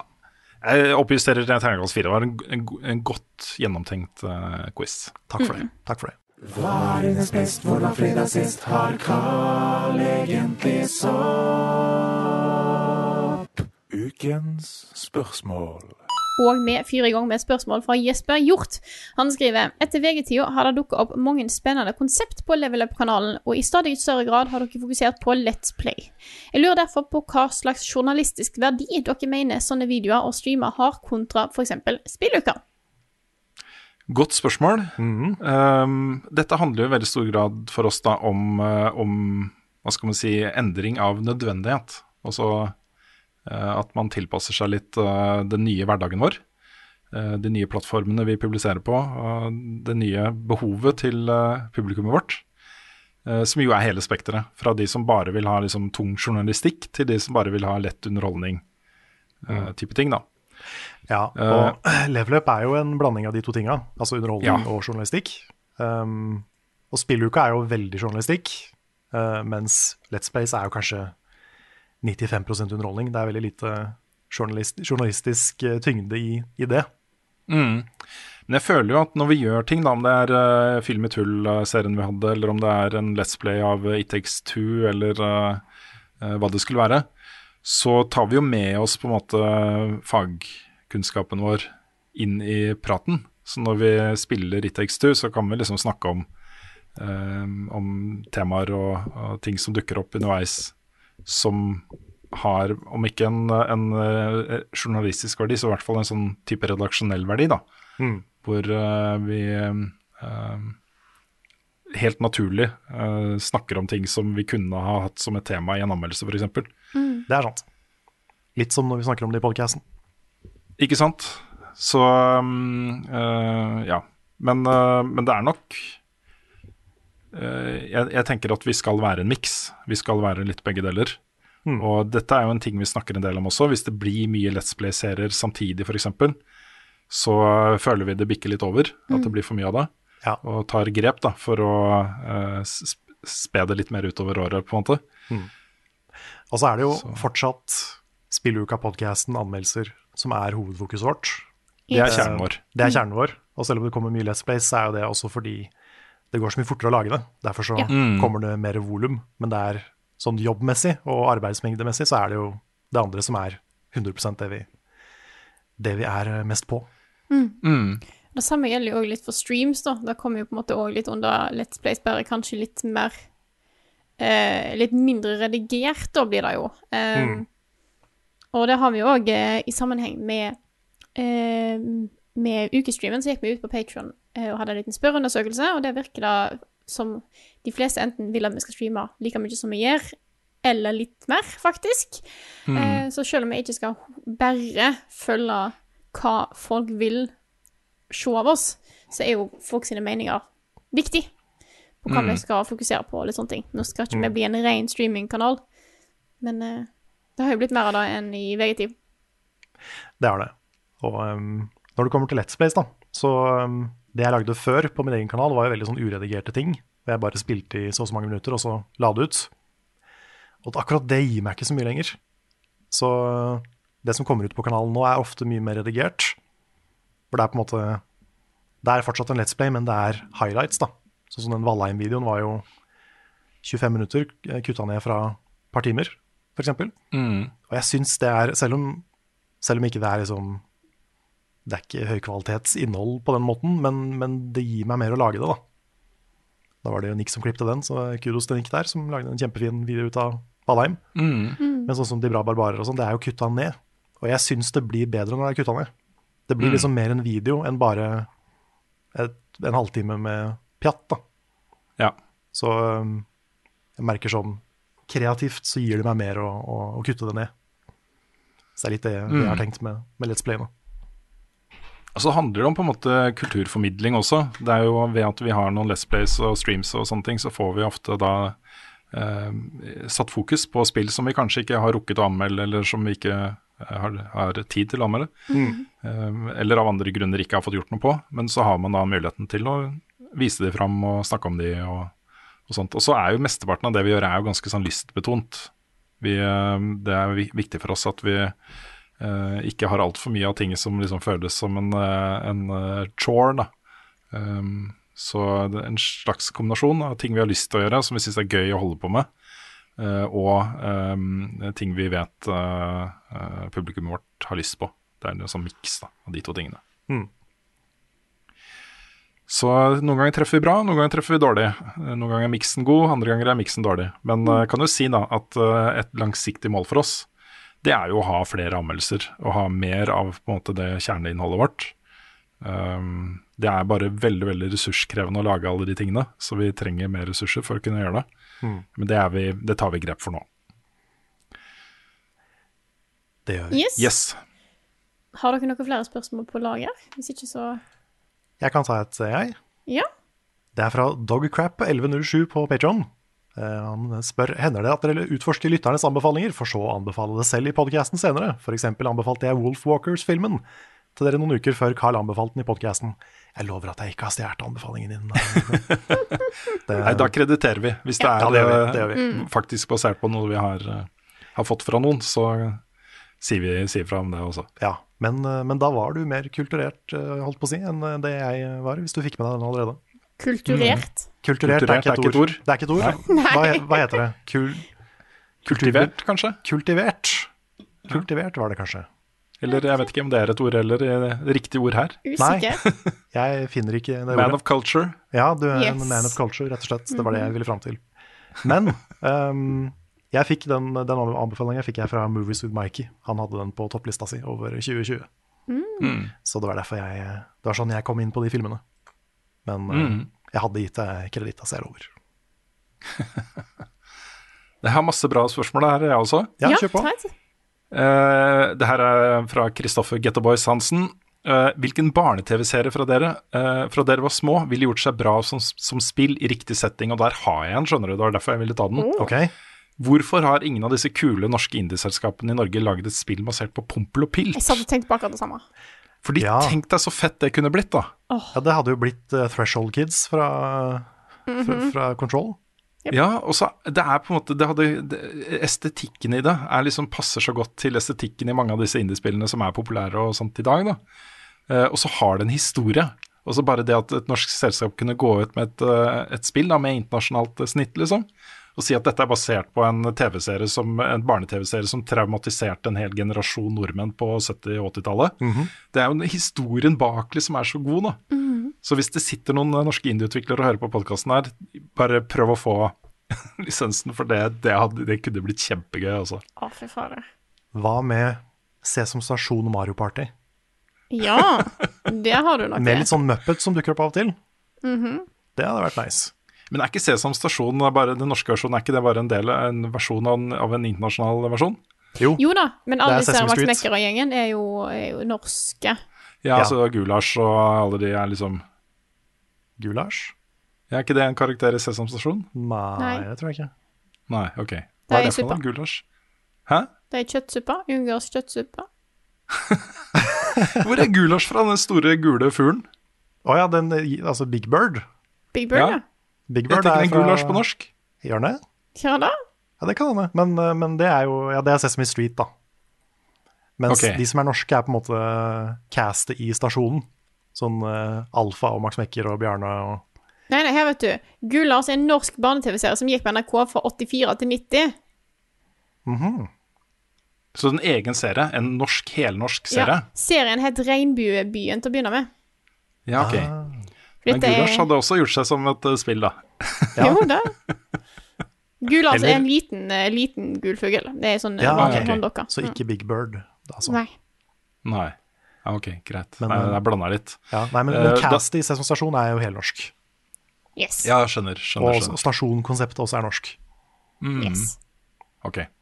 Men um, et point and click adventure basert på Mumphy. Oi, Det hadde vært kult, for det var ganske spennende. Ja, enig. Det husker jeg ikke. Det var en elefant. elefanten. da. Mm. Liten elefant og et fugleskremsel, tror jeg. Og en gris som kunne fly. Vi har litt forskjellige referanserammer her. Vi har det. Yes. jeg kan jo huske et eh, utrolig bra Mummitrollespill som jeg hadde. Hmm. Så eh, Ja, Hypergames lager jo nå spill basert på Snusmumrikken. Ja, Det er sant. for eh, Det er sant. årets spill. ja. Der, er det, der er det mye law de kan ta av. Det kan bli kult. Hva dreiv han med mens han var borte? ja, det er spørsmål. Var i Vegas. Oh, jeg har et eh, kjempeforslag. Hvorfor har ingen lagd et spill basert på Kaptein Sabeltann? Ja, hvorfor har de ikke gjort det? Det, ok, det er million dollar idé, altså. Det må noen bare gjøre. Ja. Opptil flere spill burde de lage, basert på Kaptein Ja. Sabeltann. Yes, nei, men jeg har eh, Skal vi ta et eh, spørsmål vi har ny, som vi nylig har diskutert litt på bakrommet? Så jeg kanskje vi skulle bare nevne. Jon Magnus Restad, det er sikkert mange andre som spør om det òg. Når blir det mer klassikeren og en ny runde med duell? Ja. Ja. Nei, vi har begynt å arbeide, liksom, med, med å planlegge det. Så um, eh, målet er å i hvert fall få ut én av de to seriene før eh, sommeren. Så får vi se om det blir begge, eller om det blir én av dem. Men eh, arbeidet har begynt. Vi har begynt å liksom spikre hvilke spill vi skal ta. Uh, nå er eh, Den konkrete planen er at Nick lager et forslag til opplegg for duellen. Vi er jo fortsatt i koronasituasjonen og sånn, så vi tar utgangspunkt i det og lager et, et konsept basert på den situasjonen nå først.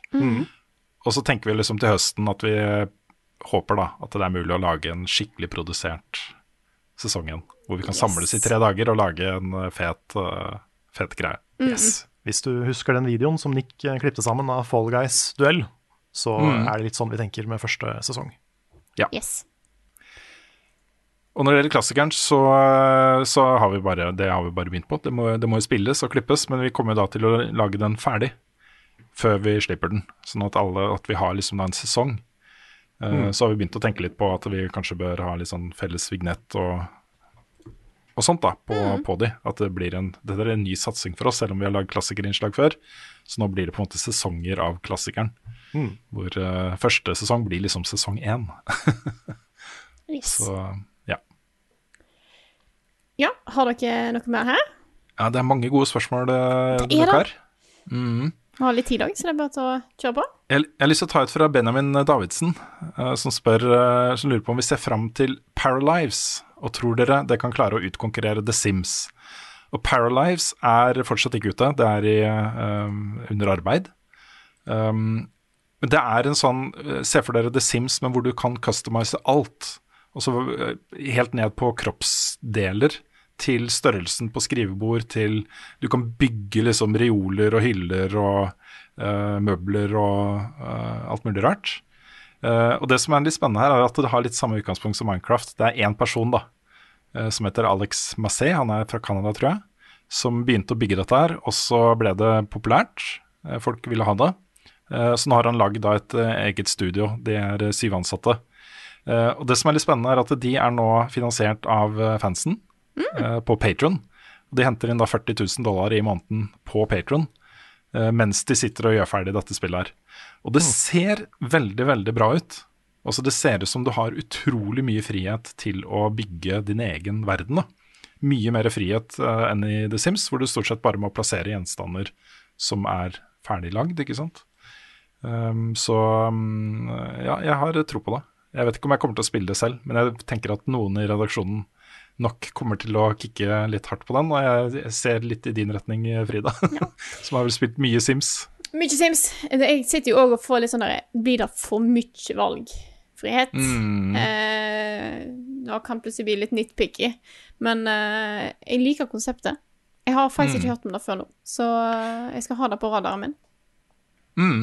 Nei, det, har, det er jo en sånn eh, litt skjult hemmelighet, da, for de som eh, For det er ikke noe særlig ute der. Det, men det sitter da en eh, svær gjeng og gleder seg til det lanseres. Kult. Så mm. Yes, har du et eh, Karl? Ja, jeg kan ta, det er vel ikke et spørsmål, men det er en liten appell fra, fra Crif, Criftian på Patreon. Jeg skal ikke lese opp hele, for den er litt lang, men uh, eh, budskapet er at han veldig gjerne vil at flere i redaksjonen skal spille Monster Hunter. Og jeg kan jo bare svare og si at eh, jeg prøver, jeg jobber med saken. Så jeg har kanskje fått eh, rekruttert Nick til litt Monster Hunter Rise, så håper jeg at jeg får med flere av dere etter hvert. Hvis dere er eh, overhodet interessert.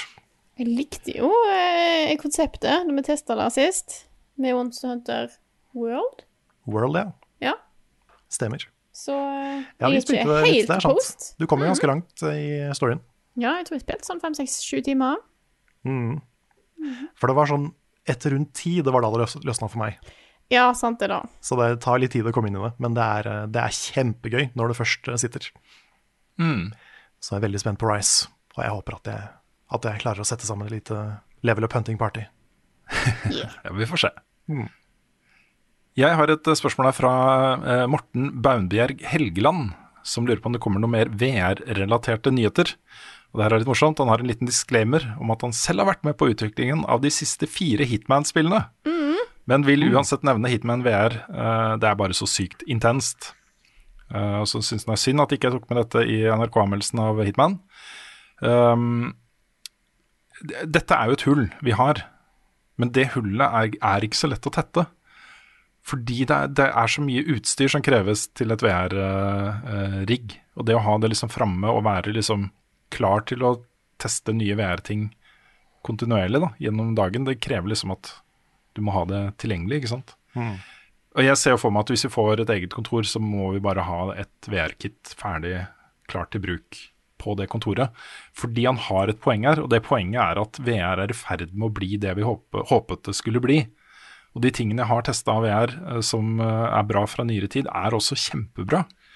Um, og um, jeg vet at både tracking-teknologien og oppløsning og sånne ting i løpet av veldig veldig kort tid på en måte, I mange spill så er det på en måte litt der allerede, men i løpet av veldig kort tid så vil disse headsetene være gode nok til at uh, det løftes til det nivået det bør være på. Så uh, jeg føler jo at vi bør følge bedre med på VR, men det er en sånn investering som uh, er ganske betydelig for oss. Uh, og det er litt vanskelig å gjøre det bare sånn halvveis. Hvis vi først skal gjøre det, så føler jeg at vi må gjøre det skikkelig, da. Ellers så blir det gjerne til at vi eh, misser masse fordi vi eh, ikke prioriterer det høyt nok og sånne ting. Da. Så det er et godt innspill, um, og jeg tenker at han nok har et poeng. Dette bør vi gjøre noe med. Jeg er helt enig. Jeg syns VR er kult, men jeg har ikke mulighet til å ha det. Eh, Jeg skulle, gjerne, skulle gjerne, for jeg har jo PlayStation VR-headsetet vårt, og eh, Beat TV var gøy, og alle disse tingene, men jeg skulle så gjerne hatt en av disse mer fancy headsetene. Men da trenger jeg liksom å dedikere et rom til det. Ja, For min PC, min arbeidsstasjon, den stasjonen jeg sitter på hver dag pga. korona, det er jo i stua hjemme der jeg bor. Jeg får allerede mer enn nok pepper for alle de kontrollerne og tingene som er rundt her. Um, lamper og Jeg har sånne eh, støydempende plater som vi kjøpte av Mattis Delerud back in the day. eh, på veggen og sånne ting. Og så jeg har et lite sånn ministudio i hjørnet. Og det er ille nok, liksom. Det er, det er uh, forstyrrende element da, i stua her. Så ja. Mm. Nei, har vi et spørsmål til på laget her? Så ikke så Jeg, ha, det er, jeg har et par eh, som jeg har lyst til å svare på, da. Ja. Kjør Hvis du, har, hvis du har så mye på lager, Rune, så kjør på. Ja, fordi det kom, det kom til et spørsmål her fra Håkon Brattlin som jeg tror er relevant for mange. Uh, han lurer på om vi vil anbefale noen å ta den utdanningen som kreves, og søke jobb i et norsk spillselskap. Er det et lurt karrierevalg i dag, med sunn arbeidstid og lønn, med tanke på crunch-kulturen og hvor dyrt vi hører det er å lage spill? Og det, det, det er kanskje ikke sånn superlett for oss å svare veldig, veldig godt på det, men jeg føler i hvert fall at eh, det å bli spillutvikler i Norge i dag, for et norsk selskap, er nok delvis må være delvis et kall. Da. Altså noe du brenner for og har virkelig lyst til å gjøre. Um, jeg er helt sikker på at, uh, at vi vil se en vekst i den norske spillbransjen de neste ti årene. Uh, og at det plutselig kan løsne, liksom. At det kan bli en mye større business enn det er i dag. Så sånn sett så er det jo på en måte en, en eh, lur ting å gjøre, da, hvis du da allerede er ferdig utdanna når det eh, løsner. Så har du gode muligheter for, til å få deg en god jobb. Mm. Eh, men det er jo fortsatt en, eh, en risiko. Det er ikke sikkert. For det er ikke så mange jobber i den norske spillbransjen, og vi ser jo at, eh, at eh, de som er litt eh, størrelse, Funcom f.eks., de eh, henter jo inn masse folk fra utlandet for å kunne lage spill. Så Det er sant. Mm. Jeg liker jo å tenke og håpe at ikke det er så ille crunch-kultur i Norge, men eh, det kan jeg ikke si 100 sikkert at ikke det er. Nei. Um, hvis, du vil, hvis du er bestemt på å ta en utdannelse innen uh, spilldesign, så er det veldig lurt å ha noe programmering inni der. Fordi uh, det hadde ikke jeg, og ingen i klassen min nesten fikk jobb. Nei. Jeg fikk jobb som noe annet enn en spilldesigner. Så, um, så det, er, det er Ja, du sitter her. Jeg sitter her, ikke sant? så jeg er veldig fornøyd med det. Um, men uh, vil man designe spill, så er det veldig lurt å lære seg litt tech-delen også. Mm. Fordi uh, jeg satt og kunne skrive masse fine designdokumenter, sånn som vi gjorde i, uh, på litt uortodokst vis med Faith of Engine og, og sånne ting. jeg, kan, jeg kan konseptualisere et spill, men jeg kan ikke f sette meg ned og fysisk lage det. Med mindre jeg bruker liksom GameMaker eller noe sånt. Og det har du gjort, da. Det har jeg gjort. så Jeg har laga et spill i RPG Maker. Ja. Men det er liksom ikke like lett å selge etterpå. da. Nei, men Det finnes jo masse gratis eh, og billige verktøy nå. Så hvis du er interessert i spillutvikling, så er det utrolig mye du kan gjøre på egen hånd før du også begynner å ta en utdannelse og sånne ting. Og jeg tror nok det er veldig mange av de som havner i spillbransjen, som gjør det fordi de har lært mye selv. Og vist liksom eh, evnen til å få ting ferdig. Om det er mods, eller om det er eh, egne spill i Roblox, eller hva det er, liksom. Men at de har lagd prosjekter, de har lagd ting, skapt noe. Som Ja. folk kan spille og teste og se på, liksom. Og det er fullt mulig å lære seg å lage kule maps i Unreal, eller, eh, eller eh, kule prototyper i Unity f.eks. også. Unity er veldig, har jeg hørt er veldig nybegynnervennlig. Jeg har ikke testa det så mye sjøl. Men det er en del jobber i eh, Norden, da. Altså eh, hvis du tar med Sverige og Finland og Danmark. Eh, så hvis man eh, er flink, altså blir spillutvikler og er flink, så er, er det ganske mange jobber eh, tilgjengelig nå, liksom. Det er, ikke noe, det er ikke så dumt hvis du er interessert, men jeg tror du må ha den interessen. Eh, litt sånn lidenskapen. Yep. Ja. Yes, jeg, har, jeg har egentlig flere spørsmål også, men eh, Vi har tid til å ta eh, et par til hvis du vil. da. Det virker som at du har bare Du Ja, har en del på lager, så Ja, jeg, jeg kan bare svare kort på, på som en siste ting da, fra Joakim Solheim, som lurer på om det er noen i sikte på nye anmeldere i henhold til Patron-målene. Og det er det ikke. Vi har ikke noen konkrete navn der. Vi eh, har fått mange eh, henvendelser fra folk som er spennende, liksom. Det som absolutt hadde vært interessante. Men vi ønsker, jeg, vi ønsker å gjøre det samme som vi gjorde i VG-tiden. Gå ut bredt og si liksom her er det like muligheter for alle eh, til å få disse nye jobbene. Eh, det vil jo være da frilansjobber, det er ikke fulltids-nikk, heltidsansatte i Level Up. Det vil være sånn betalt per rammelse-type eh, ting, da. Um, men vi har uh, uh, muligheten her til å tette noen av de hullene vi snakka om tidligere, som er veldig spennende. Så det, det, ikke, det kommer ikke til å være bare uh, vi ser etter. Vi kommer til å definere liksom noen hull vi har som vi har lyst til å tette, og så se hva som kommer inn da, av søknader. Så den uh, jobber vi med. Den kommer ut i løpet av en uke eller to, tenker jeg, skal vi klare å ha den ute. Ja. Så det Så er en, ikke- en konkret utlysning med instruksjoner på hvordan du sender søknad. Ja, så ikke send inn søknad før da, fordi at da, da Vi kan ikke se på deg. Det er ikke sånn som i budrunder, der du kan komme inn og bare sånn der, 'Jeg vil bare kjøpe en leilighet, nei, for alle disse pengene.' Eh, Og så går du utenfor på en måte, systemet. Vi prøver å gjøre dette her ordentlig. Ja. Jeg kan jo nevne da som en generell overbygging til akkurat dette her, at vi er veldig opptatt av, eh, av eh, det, det man kan kalle firmakultur, kanskje. Eh, Men vi er en veldig sånn tett sammensveisa gjeng. Vi trives veldig godt i hverandres selskap, og vi har mye til felles. Og vi har det gøy når vi streamer og når vi møtes og de tingene. Det er ganske viktig for oss at vi finner personer da, som vi føler kan på en måte passe inn i level up-familien. Um, eh, som en Ja, det, det kommer til å være et kriterium vi ser etter. I tillegg til ferdigheter. Så bare det er nevnt. For det er litt skummelt, og ut, alltid skummelt å utvide. Det er det. Det er veldig skummelt. Innser at jeg har liksom ikke Jeg har ikke opplevd å få inn så mange nye, bortsett fra Espen, etter jeg starta. Ja, det er sant. Yes. Ja. Da eh, skal jeg klare å leve med å ikke få stille flere spørsmål. All right. Sikker. Det går greit. Mm. Ja, det går fint. Du har ikke lyst til å smette inn et siste et før Nei, så, nei, så tror jeg nå må jeg bare ta, ta outroen, jeg, før, eh, før Rune bare gjør dette her om til en Q&A-podkast. Ja. Ja. Dette er Level Backup, en broadcast utgitt av moderne media. Låten i introen og outroen er skrevet av Ole Sønnik Larsen og arrangert og framført av Kyoshu Orkestra. Vignettene er lagd av fantastiske Martin Herfjord. Du finner mye mer innhold fra oss på youtube.com slash levelupnord og twitch.tv slash levelupnord. Der det kanskje blir litt streams eh, framover. Jeg har i hvert fall planer om å kanskje streame litt av spillet jeg har tenkt å lage klassikerinnslag av. Får se hva det blir til. Lur kombo. Så er det bare til å gå inn og på shop.spreadshirt.no slash levelupnorge og se hva vi har i shoppen vår. Så jeg ser det blant annet kom et spørsmål, så jeg tenkte jeg skulle smette det inn her. Og Eirin Benberg som spør når kommer T-skjorten med 'Det var meg hele tiden' i shoppen, og den må vi bare få lagd. Så Det må vi. eh, Det må vi. vi har litt, eh, vi har litt T-skjorteideer som bare må Men bare få lage de eh, snart. Men da gir vi beskjed når de kommer. Mm. Men eh, vi har de, vi har de, eh, vi har de i, eh, in the back of our minds.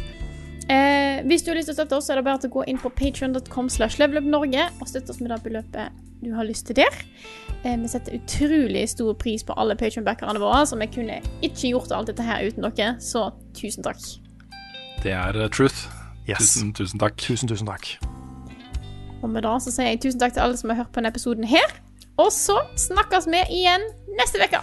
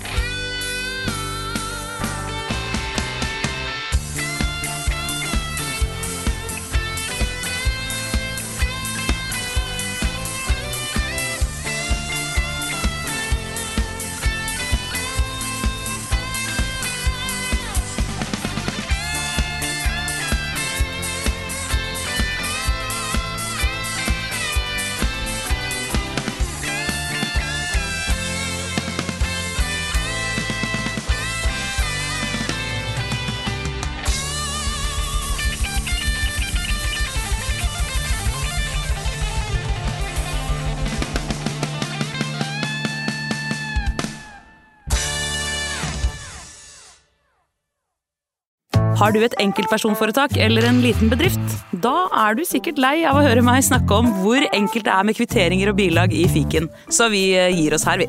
Fordi vi liker enkelt. Fiken superenkelt regnskap.